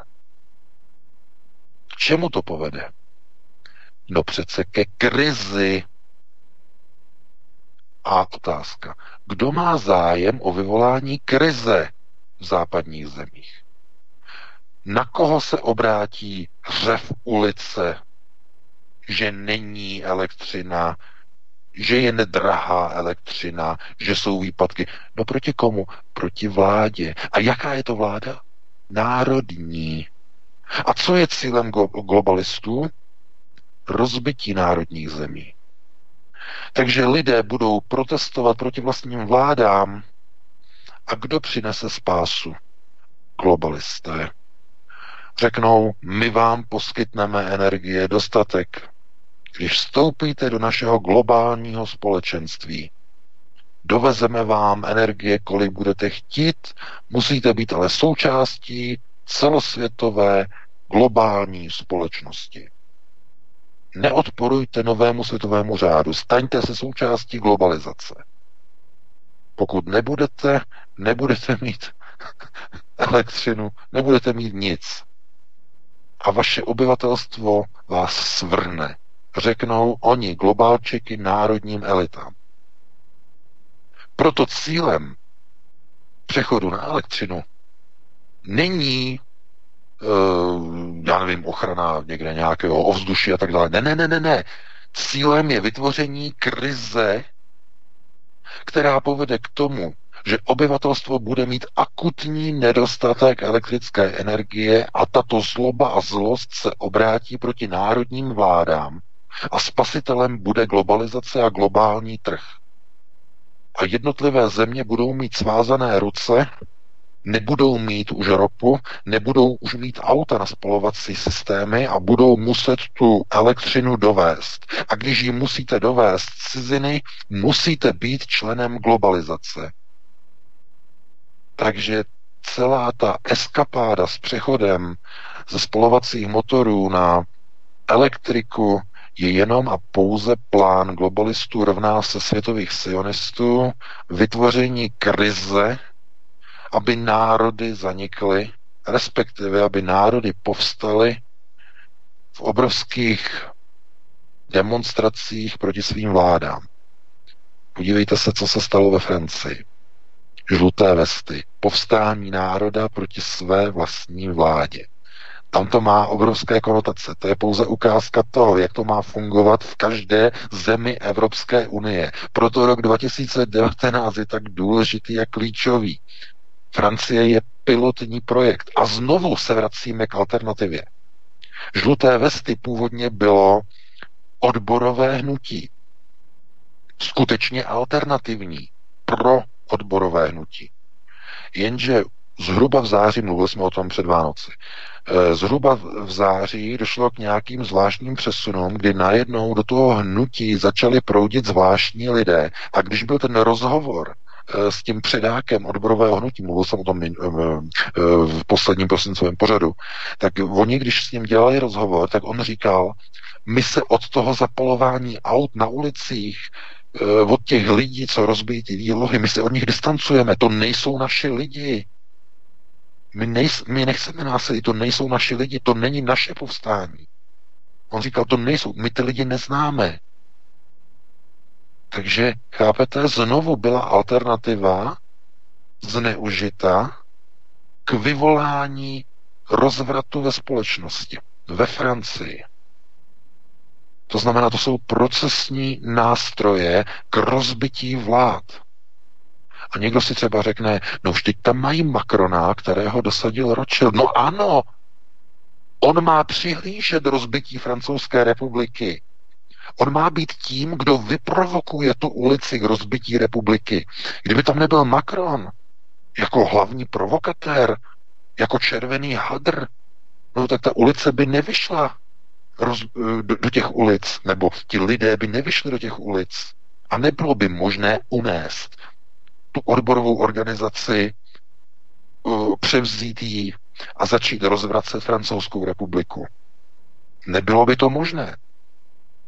Takže proto, když se bourá dům, nedáte do čela odborníka, specialistu, dáte tam diletanta, protože ten nemusí umět nic.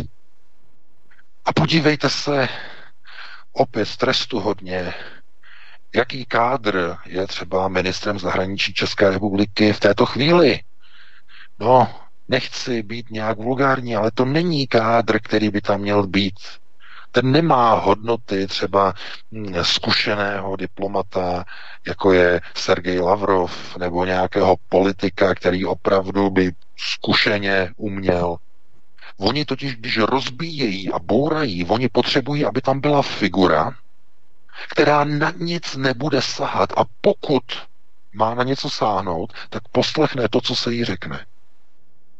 Protože když se bourá dům, nepotřebujete odborníka, může to dělat i Ukrajinec, i Bulhar, i Rumun, kdokoliv bez vzdělání, protože když se bourá, tak důležité je, aby ta práce byla vykonána rychle. Nic jiného je nezajímá. Kvalita nehraje žádnou roli. Proto Jean-Claude Juncker v čele Evropské unie. Komise tedy. Komise.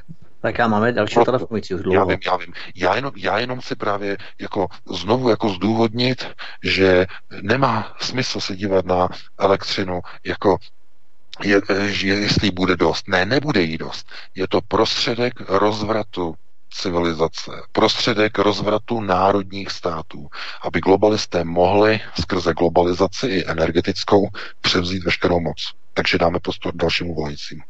Výborně. Ahoj, Jirka. Uh, dotaz VK, jak to víš ohledně té ceny elektřiny uh, v následujících letech? Jde mi o jednu věc, uh, co takhle soláry na střechu, vyplatí se to, bude se to muset vyplatit, uh, mám si to pořídit, to by mě docela dost zajímalo, jako, co by si k tomu no. řekl, eventuálně nějaké doporučení, jestli můžeš dát, do čeho jít, co řešit a tak dále. No, no, no dobře, dobře. Eh, no, eh, elektrika, no tak elektrina půjde samozřejmě nahoru, to je naprosto bez debat, protože ten proces je nastavený. To znamená, to je přímo účelem rozvratu, to znamená nárůsty cen energií. No a jestli se vyplatí dáte na střechu eh, fotovoltaiku, no tak určitě jo, samozřejmě.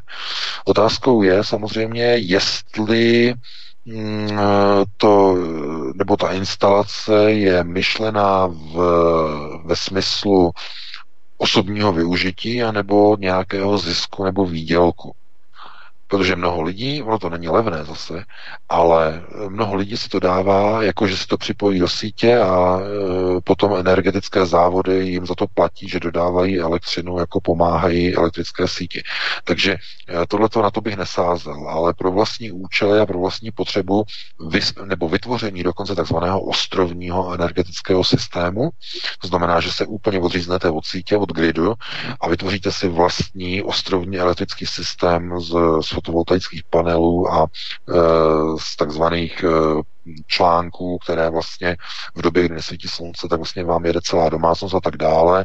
Pořídíte si například, což je zase progresivní, na vytápění takzvané tepelné čerpadlo, to je velmi progresivní, takže ano, ale to vyžaduje nějaké finance, nějaké peníze a otázkou zase je, že nikdy nemůžete vyloučit, co udělá ono globalistické samoděržaví, které je skrze jednotlivé marionety u moci v jednotlivých zemích, kdy třeba řeknou, že ten, kdo má ostrovní systém, tak bude platit třeba solidární daň. Jo, bude platit. To znamená, kdo nebude připojený do gridu, bude spoplatněn, bude zdaněn. A tomu se nevyhnete. Takže to, to nemá řešení. Jo, to je prostě o tom, že tohle, když začne dělat více lidí a oni budou vědět, že lidi se takzvaně osamostotňují, oni přijmou zákon, že to bude, že to bude spoplatněné. To je něco podobného VK, jako, ještě přerušu, jako dešťová voda, která se má rovněž spoplatnit, což je úplně neuvěřitelné. Jo? Ano, a to bychom se tomu smáli před pěti lety, kdyby to někdo řekl. Že to je vtip, No a já jsem to četl, ano, ano, opravdu chtějí spoplatnit dešťovou vodu a zdůvodňují, zdůvodňují to tím, že ona vlastně odtéká do společného komunik, kanalizačního řadu a tím pádem jako, že se jedná o stočné. Takhle jsem to četl, ten článek. A no, klasika. To znamená, oni si najdou důvod, proč, nebo vlastnictví studny, že bude jako zdaněno tady a že bude muset být napojeno, že když jsou sucha, tak bude muset být tedy napojeno a poskytovaný, poskytovaný vlastně e, přístup eh, ke sdílení vody. To připravují tady v Německu. To byl zrovna reportáž, byla v televizi. No, takže vy máte soukromou studnu, oni přijmou zákon, pokud bude schválený a oni vám normálně budou brát vodu z vaší studny a bude to zákonem ukotvené. A kde jste? No, jste v místech, kde se nikdy nesvítí. No. Takže e, znovu, chápete, ty procesy, tomu se nevyhnete.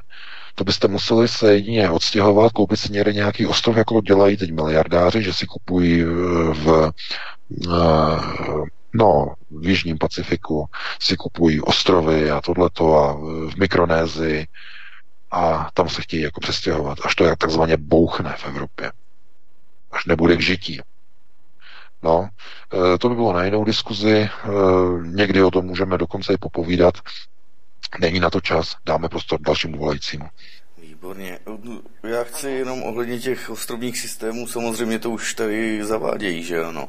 A jenom odborníci se k tomu vyjadřovali, ale zatím veřejná debata není žádná. Tak, dobrý večer, svobodný vysílač. Ano. Můžeme? Nebo můžete? Dobrý večer. Můžu. Ano. Vypněte vysílání a poslouchejte jenom telefon teď. Nebo... Jo. Jo? Zatím. Dobrý večer přeju. Halo? Ano, ano, slyšíme. slyšíme. Uh, Prosím, vypněte rádio a poslouchejte pouze telefon. Hraje vám to tam stále, ačkoliv jsme vám to říkali. Aha, počkejte. A hned to zastavím. Moment. A hned to zastavím. Tak. Eh, Petr, eh, Petr Odolpavý. Eh, prosím vás, je, jak jste tady zmiňovali žluté vesty, je pravdou, že vyzvali občany Francie, aby ve velkém vybírali peníze z bank? To je jeden dotaz. A druhé, takové, taková zpráva, kterou jsem si přečetl na internetu, Představte si, že v Katovicích úřad práce hledá imáma. Nabízí mu plat 3000 zlotých, myslím, že průměrný plat je pod 2000, takže hledají imáma, aby vykonával komplet všechny jeho činnosti. Děkuju, budu poslouchat. Dobře, děkujeme. To je zvláštní, no, protože no, Polsko, které je proti to je zajímavé. Tak eh, co se týče té Francie, tak to nevím, to je informace nová, eh, výzva k vybírání vkladu. No, hm, zase, chápete, eh, pokud by to pře- překročilo nějakou míru, tak oni zakážou výběry jako to, tím, to není tím nic řešeného. V zájmu zachování bankovní stability oni zablokují výběry a k penězům hotovým se nedostanete. Jo? To je takzvaný ran na banku. To oni mají, že a že mají velmi dobře ošetřené v zákonech jednotlivých zemích. Takže nevím, já jsem to slyším poprvé tohle. A je to možné samozřejmě, že různé výzvy různých organizací a tak dále. No a co se týče v těch Katovicích toho imáma, no tak samozřejmě může jít eh, o nějakou provokaci, o zkoušku, o volavku, eh, balónek zkušební, jaká bude reakce a tak dále. Chtějí vidět, jak se na to lidi budou dívat. No ale samozřejmě, že i Polsko bude, nebo je v centru uh, islamizace nebo snah o islamizaci. No tam to bude mít hodně těžký, protože to je křesťanský národ, tam hodně katolíků, ale eh, oni se o to budou pokoušet stejně však. Globalčík je všude, no, globalčík, globalčík je zase sionisté, že jo protože cílem je rozvrat Polska. Eh, to je, jako pořád si někdo myslí, že když někdo o něco usiluje, že něco buduje. U sionistů ne. Sionista, když něco buduje, tak e, chystá rozvrat a rozbití a zničení toho, co vykonal a vytvořil nepřítel.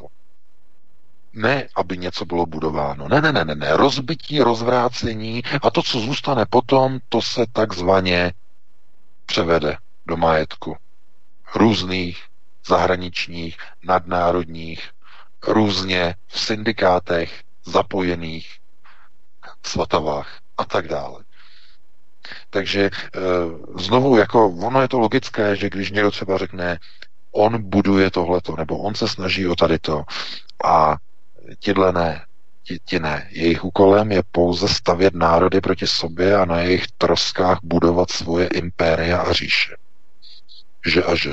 No, ale to bychom zacházeli do dalších diskuzí, na to nemáme čas, takže dáme prostor, prostor dalšímu volajícímu. Tak, tak, tak, Pepa už je nachystaný. Můžeš, dobrý no, večer. Zdravím, zdravím vás všechny Pepa Pardubice. Co ví pan VK o další akci ve Francii, ty červený pera? Jestli mu to něco říká. No, já děkuji za dotaz, ale tohle to já jsem neměl čas vůbec tady ten sledovat. Nevím, to je nějaká novinka, Vítku? No, ono to, ono to, to asi šest učitelů, má to být něco o tom, jak je nefunkční školství ve Francii a ono už to ale během několika dnů to získalo asi 60 tisíc nebo 70 tisíc jako podpisů od učitelů a, a pedagogických pracovníků, jo, a je to o tom, že prostě, no, že, že školství padá na tlamu jak u nás, že se vlastně to nevyučuje, že jo, tohleto, jo. jo. Mm-hmm. Mm-hmm. No, tak to je novinka. No tak eh, jako francouzi, uh, francouzi jsou známi tím, že rádi chodí do ulic, rádi demonstrují.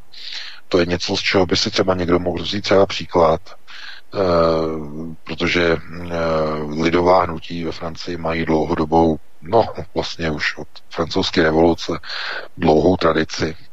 Ale tohleto zase znovu je reakcí na něco, co je ukotveno už v dlouhodobých procesech ve Francii.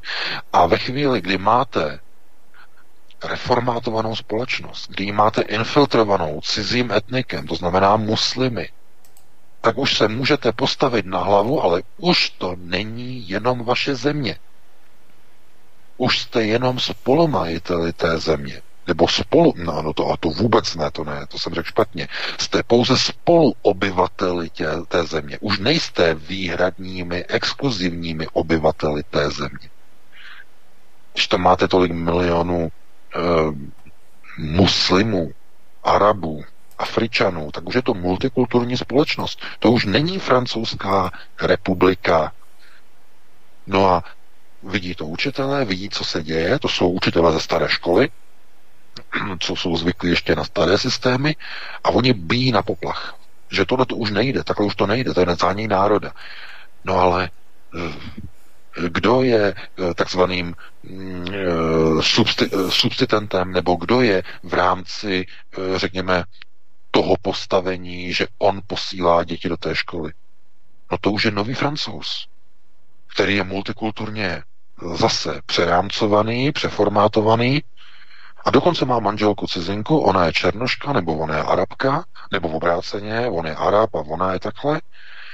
A jejich dítě se třeba, nevím, kamarádí tady s těmi, multikulturně orientovanými a nechce se třeba učit a takových dětí třeba v té třídě z těch 18 nebo 20 je jich tam třeba 15.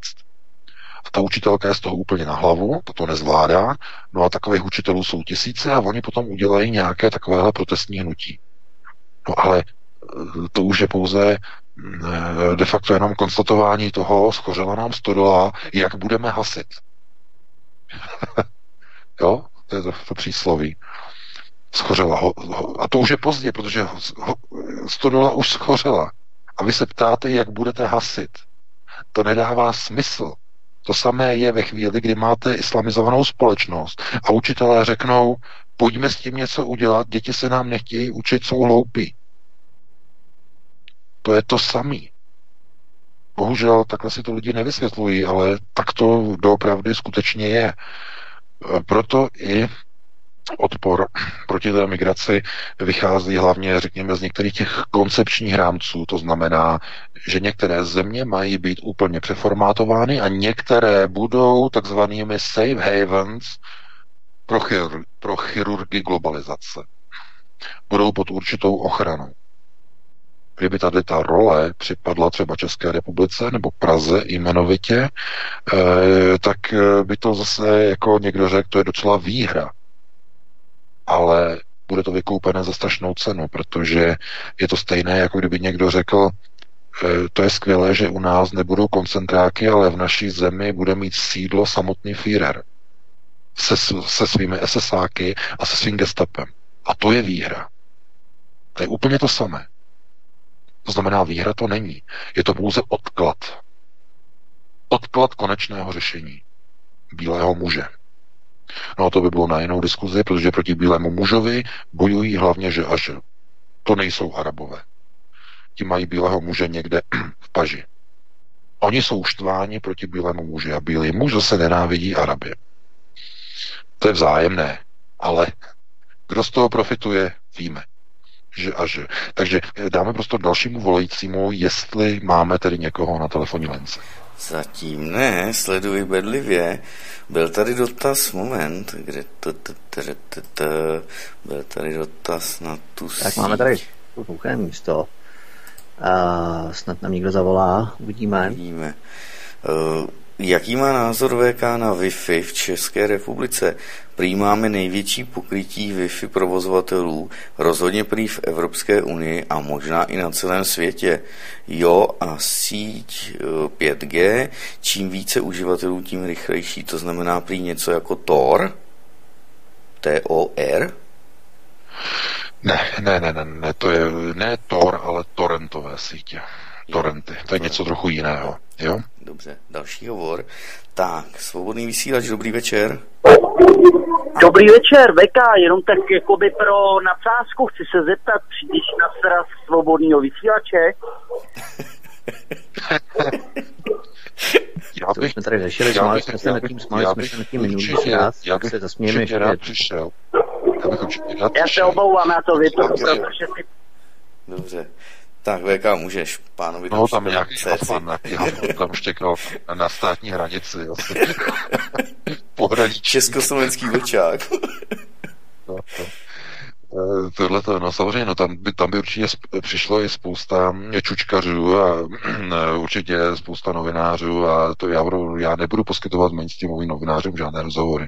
Rozhodně ne, to mám, ne, nebudu, nebudu riskovat bezpečnost vlastní, vlastní rodiny. Takže, takže děkuji za pozvání, ale bohužel, jak říkám, už jsem to říkal v minulém pořadu, někdy doufejme, že v lepších časech, že se podaří a že bude možné mít ve svobodné společnosti prostor e, pro komunikování pravdivých informací a zpráv, které jsou nepohodlné mocným a řekněme těm, kteří stojí za e, některými řídit, řídícími procesy, aby bylo možné bezpečně pracovat v oblasti žurnalistiky a zpravodajství. Mm-hmm. Dobře, dobře. Tak, koukneme se na to. Jestli někdo zavolá, já vím, že určitě jo. No hele, už je to tady. Tak, svobodný vysílač, dobrý večer.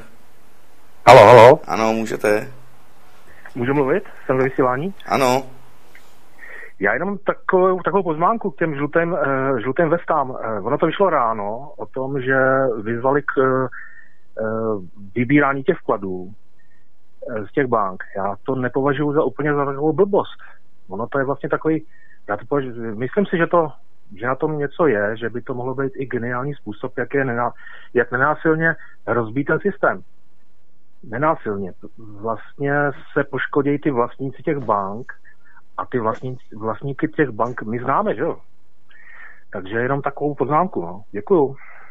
Dobře, děkujeme. No, no, já děkuji za dotaz, ale tohleto, tohleto, ne, to opravdu ne, to je pouze, to je iluzorní představa. Jenom pro vaši představu, eh, hlavní majetky bank eh, jsou, oni tomu říkají takzvané kapitálové vklady a ty nemají peněžní finanční podobu to jsou, jsou de facto eh, ty kapitálové vklady, to jsou de facto digitální bankovní úpisy, které eh, deklarují, že banka disponuje určitými objemy peněz.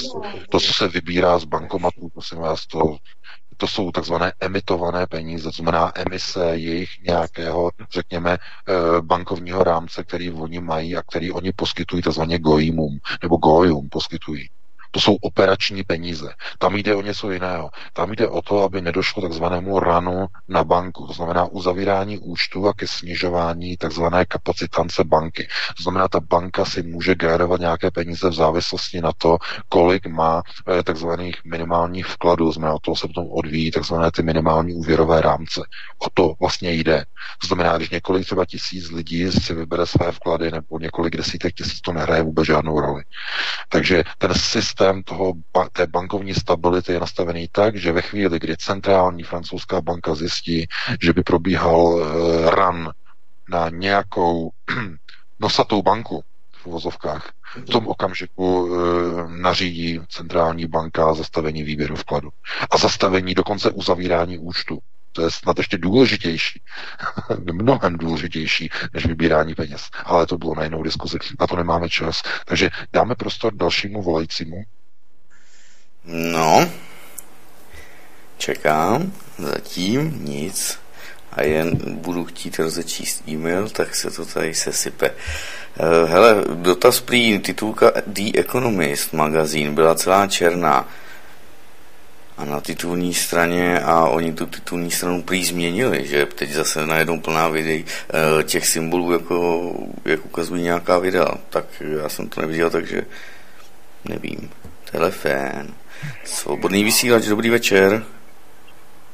Halo, dobrý halo. Večer. Eh, dobrý, já bych měl otázku pro pana VK. Ano, můžete. Halo, halo. Dobrý večer. Prosím vás, já bych měl otázku, takovou otázku pro pana VK. Prostě uh, tak uh, uh, souvisí to vlastně i teď zavezením uh, těch 5G sítí.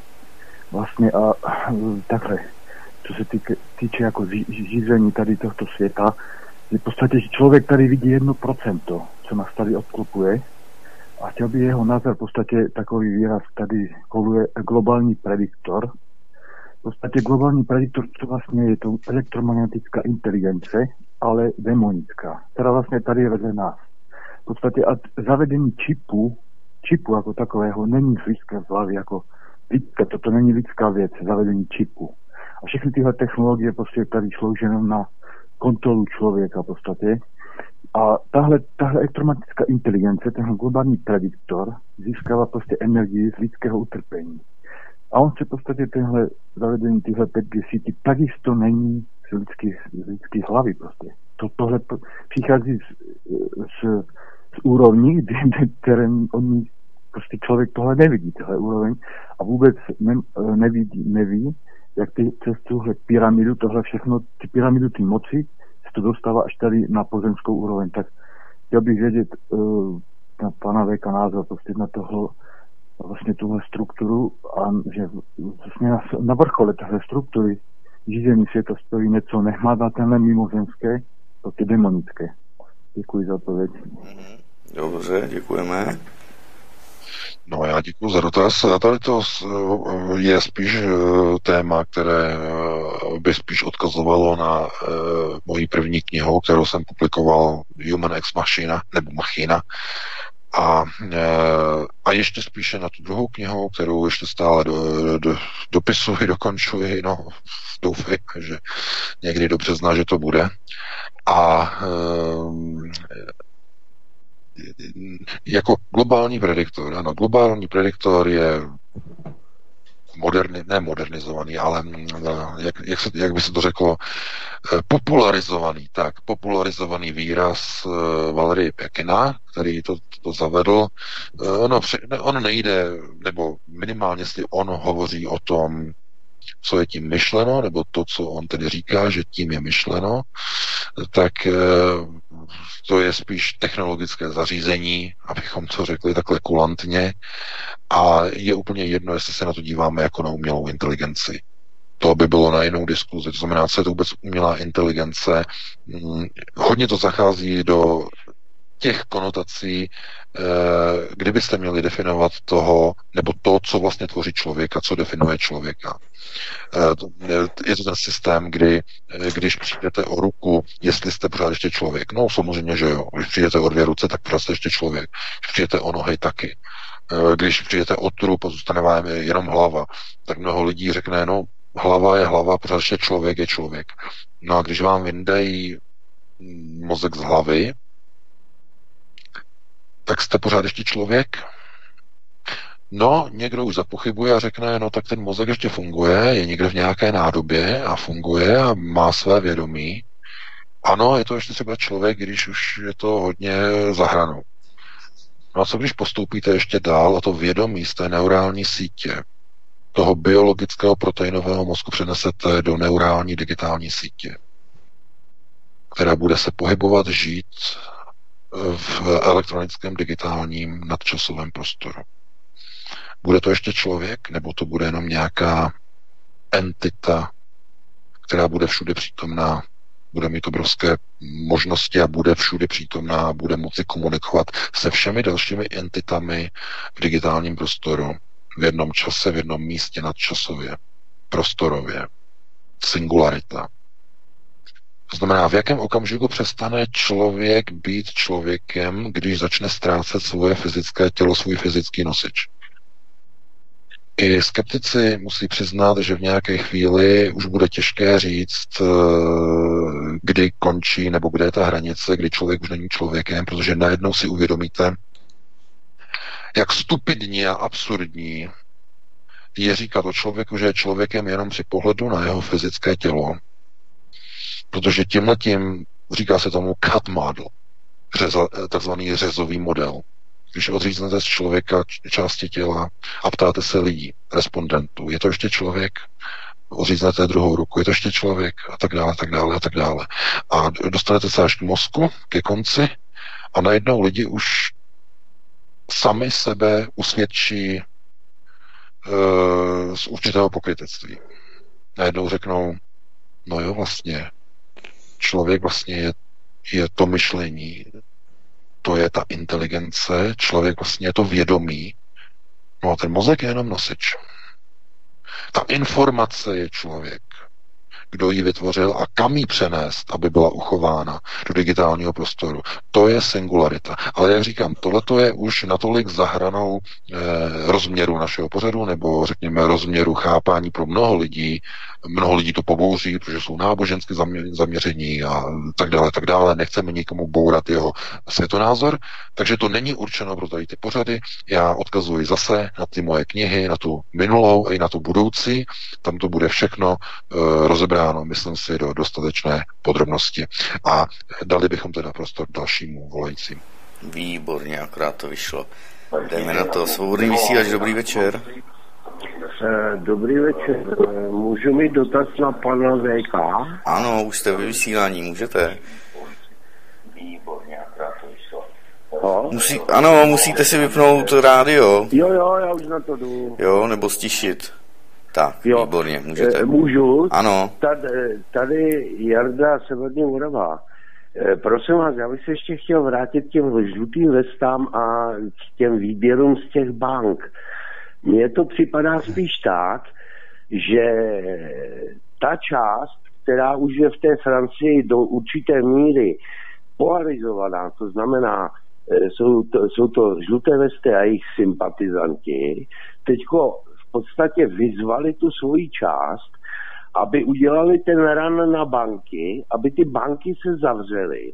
A protože dneska, když si chcete koupit rohlík, dostanete výplatu, všechno jde přes vaš, vaše bankovní konta. Tím by polarizovali tu společnost ještě více, než polarizovaná v současné době je. Děkuji, budu poslouchat. Dobře, děkujeme. No, já se obávám, že tenhle ten, tenhle ten akt by mohl mít úplně opačný efekt, nebo dokonce i dokonce naplánovaný efekt, protože někdo z politiků by o tom řekl, vidíte, a tohle je problém finanční hotovosti. Pojďme zrušit finanční hotovost ve Francii a zaveďme pouze bezhotovostní platby, kde není možné provádět rany na banku. Chápete? Protože když zamezíte finanční výběry, když, zam, když bude všechno elektronicky na kartě, tak všechno bude regulované. Nemůžete, nikdy nebudete mož, schopni e, banku zrujnovat, protože banka vám nastaví limit na kartě a tím je to dané. Nemůžete provést žádný ran, nebudou hotové peníze, to znamená, že nebude elektronicky. Chápete? Takže eh, ano, ono to může být myšleno upřímně, že si někdo myslí, že to jako něco prosadí, ale dokonce to může být i zmanipulované, že někomu o to jde, aby, byla, aby byl nalezen důvod, záminka k tomu, aby byla prosazena bezhotovostní platba a bezhotovostní společnost ve Francii. A jako příklad krize bude vykreslen ran na banku zorganizovaný žlutými vestami. Podívejte se na to. A proto je třeba přijmout opatření v rámci bezpečnosti našich občanů, našich vkladů. Pojďme to uzákonit aby už se to neopakovalo a tak dále. A hned budou všichni konstruktivní politici pro. Pozor na to, protože, eh, jak říkám, znovu, oni používají ulici, že, a že prosazování svých cílů tak, aby ulice sama začala e, způsobovat, že většina části veřejnosti začne křičet a požadovat to, pro co by nikdy ruku nezvedla. Francouzi by nikdy nezvedli ruku pro zrušení e, Franc- franku jako hotovosti, jako hotového platidla, ale ve chvíli, kdyby to ohrozilo bankovní bezpečnost, by, bylo by to vykreslené jako něco, co ohrožuje jejich vklady, jejich banky, tak najednou by francouzi řekli, no, no, no, zavedeme dobře, dobře, bezhotovostní platby, bezhotovostní platby, bezhotovostní, aby nám nekrachly naše banky a my jsme nepřišli o naše úspory. No, takže na to pod také pozor, protože já jsem to, jak říkám, já, to, já, to, já jsem to nesledoval tohleto, ale e, dovedu si představit velice dobře, že lidé okolo Rothschilda jenom, jenom čekají na nějakou záminku, jenom, jenom, aby mohli říct, pojďme prosadit bezhotovostní Francii. Pojďme do toho. Musíme najít nějakou záminku. Kde? Jakou? No krize. Ran. Ran na banky. Takže e, máme 21.57, nevím, jestli ještě máme někoho volajícího. Ano, ano, tak asi poslední. Dobrý večer, svobodný vysílač. Dobrý večer, eh, Jana u telefonu. Slyšíme se? Ano. Ano, večer, Jano. Večer. Super, super. Já jsem se chtěla pana VK zeptat eh, na jednu věc. On pořád mluví o tom, že píše knihu a že už nějakou knihu vydal a já jsem se chtěla zeptat, eh, kde se ta kniha dá koupit a jak se jmenuje. Asi tam nebude napsáno kniha od pana VK, tak já budu poslouchat. Děkuju. Dobře, děkujeme. Naschle. Já děkuji za dotaz a to mě překvapuje, eh, protože když půjdete na Aerony, tak v pravém sloupci máte reklamní banner, obrázek, eh, psáno Human ex machina a když na to kliknete, tak vás to přesměruje na obchod ABB, nebo na knihy Adama Bartoše a tam si můžete online knihu objednat tu první. Co se týče té druhé, ta je ještě v díle, nebo v díle, stále ještě ji píšu. A já jsem říkal, po novém roce, ano, po novém roce, jak říkám, časově jsem na tom prostě tak zoufale, tak já jsem dělal pracovně vlastně celý svátky, pracovně. Možná jste viděli, že jsem psal články, tohle to všechno, workoholik, ale uh, jsem, no tak jako trošku jsem si odpočnul, ale zase ne moc, možná jeden den, dva dny jsem si asi odpočinul že se ještě řešili další věci, zase firma. A e, takže snad to bude, ne, říkám do, do března, no snad do března by se mohlo zadařit. No, e, takže e, tam si může paní vlastně objednat e, tu první knihu a ta druhá, ta bude potom také anoncovaná na Aeronetu. Takže já bych předal slovo Vítku a no. máme 21.58, takže bychom se asi rozloučili. Určitě, VK, rozloučíme se. Já jenom doplním, že my zároveň tuto knihu uh, Human Ex Machina vysíláme na svobodném vysílači. Uh, nikoli v pravidelných časech, ale uslyšíte ji u nás rovněž. Nicméně u Adama Bartoše lze objednat jak tedy uh, textovou knihu v elektronické podobě nebo tištěné podobě, tak i audio knihu, kterou jsme dělali, kterou načetl Adam Bartoš.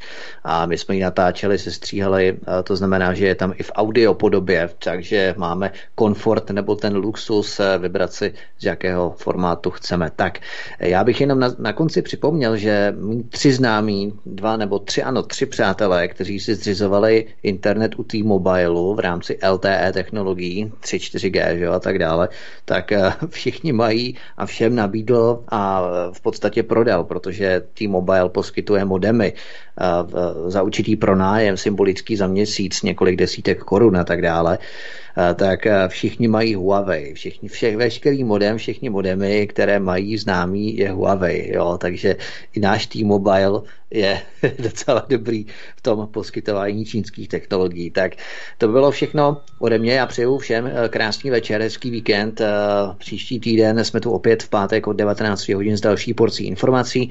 Já se s vámi loučím, od mikrofonu se loučí Vítek, přeju hezký večer. No a příště se s vámi těšíme na slyšenou. Ještě VK.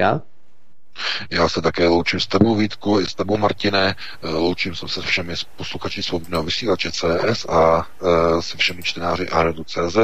Uslyšíme se příští pátek opět od 19 hodin, opět s novými tématy ve stejný čas. Takže přeji vám krásnou dobrou noc. Tak a Martine, děkuji ještě za vysílání. Já děkuji, zdravím vás, všem přeji dobrou noc, jak VK, tak Vítkovi a mírové nebe nad hlavou v dalších týdnech a měsících tohoto roku. Tak už se jenom rozloučíme a Petr je nachystaný. Takže naslyšenou. Jsme Český svobodný vysílač. U nás máte svobodný prostor na prezentaci vašich názorů a komentářů, ale také plnou zodpovědnost za jejich obsah. Svoboda a odpovědnost se nedají oddělit. Jedno podmiňuje druhé. Svobodný vysílač CS Prostor pro vás.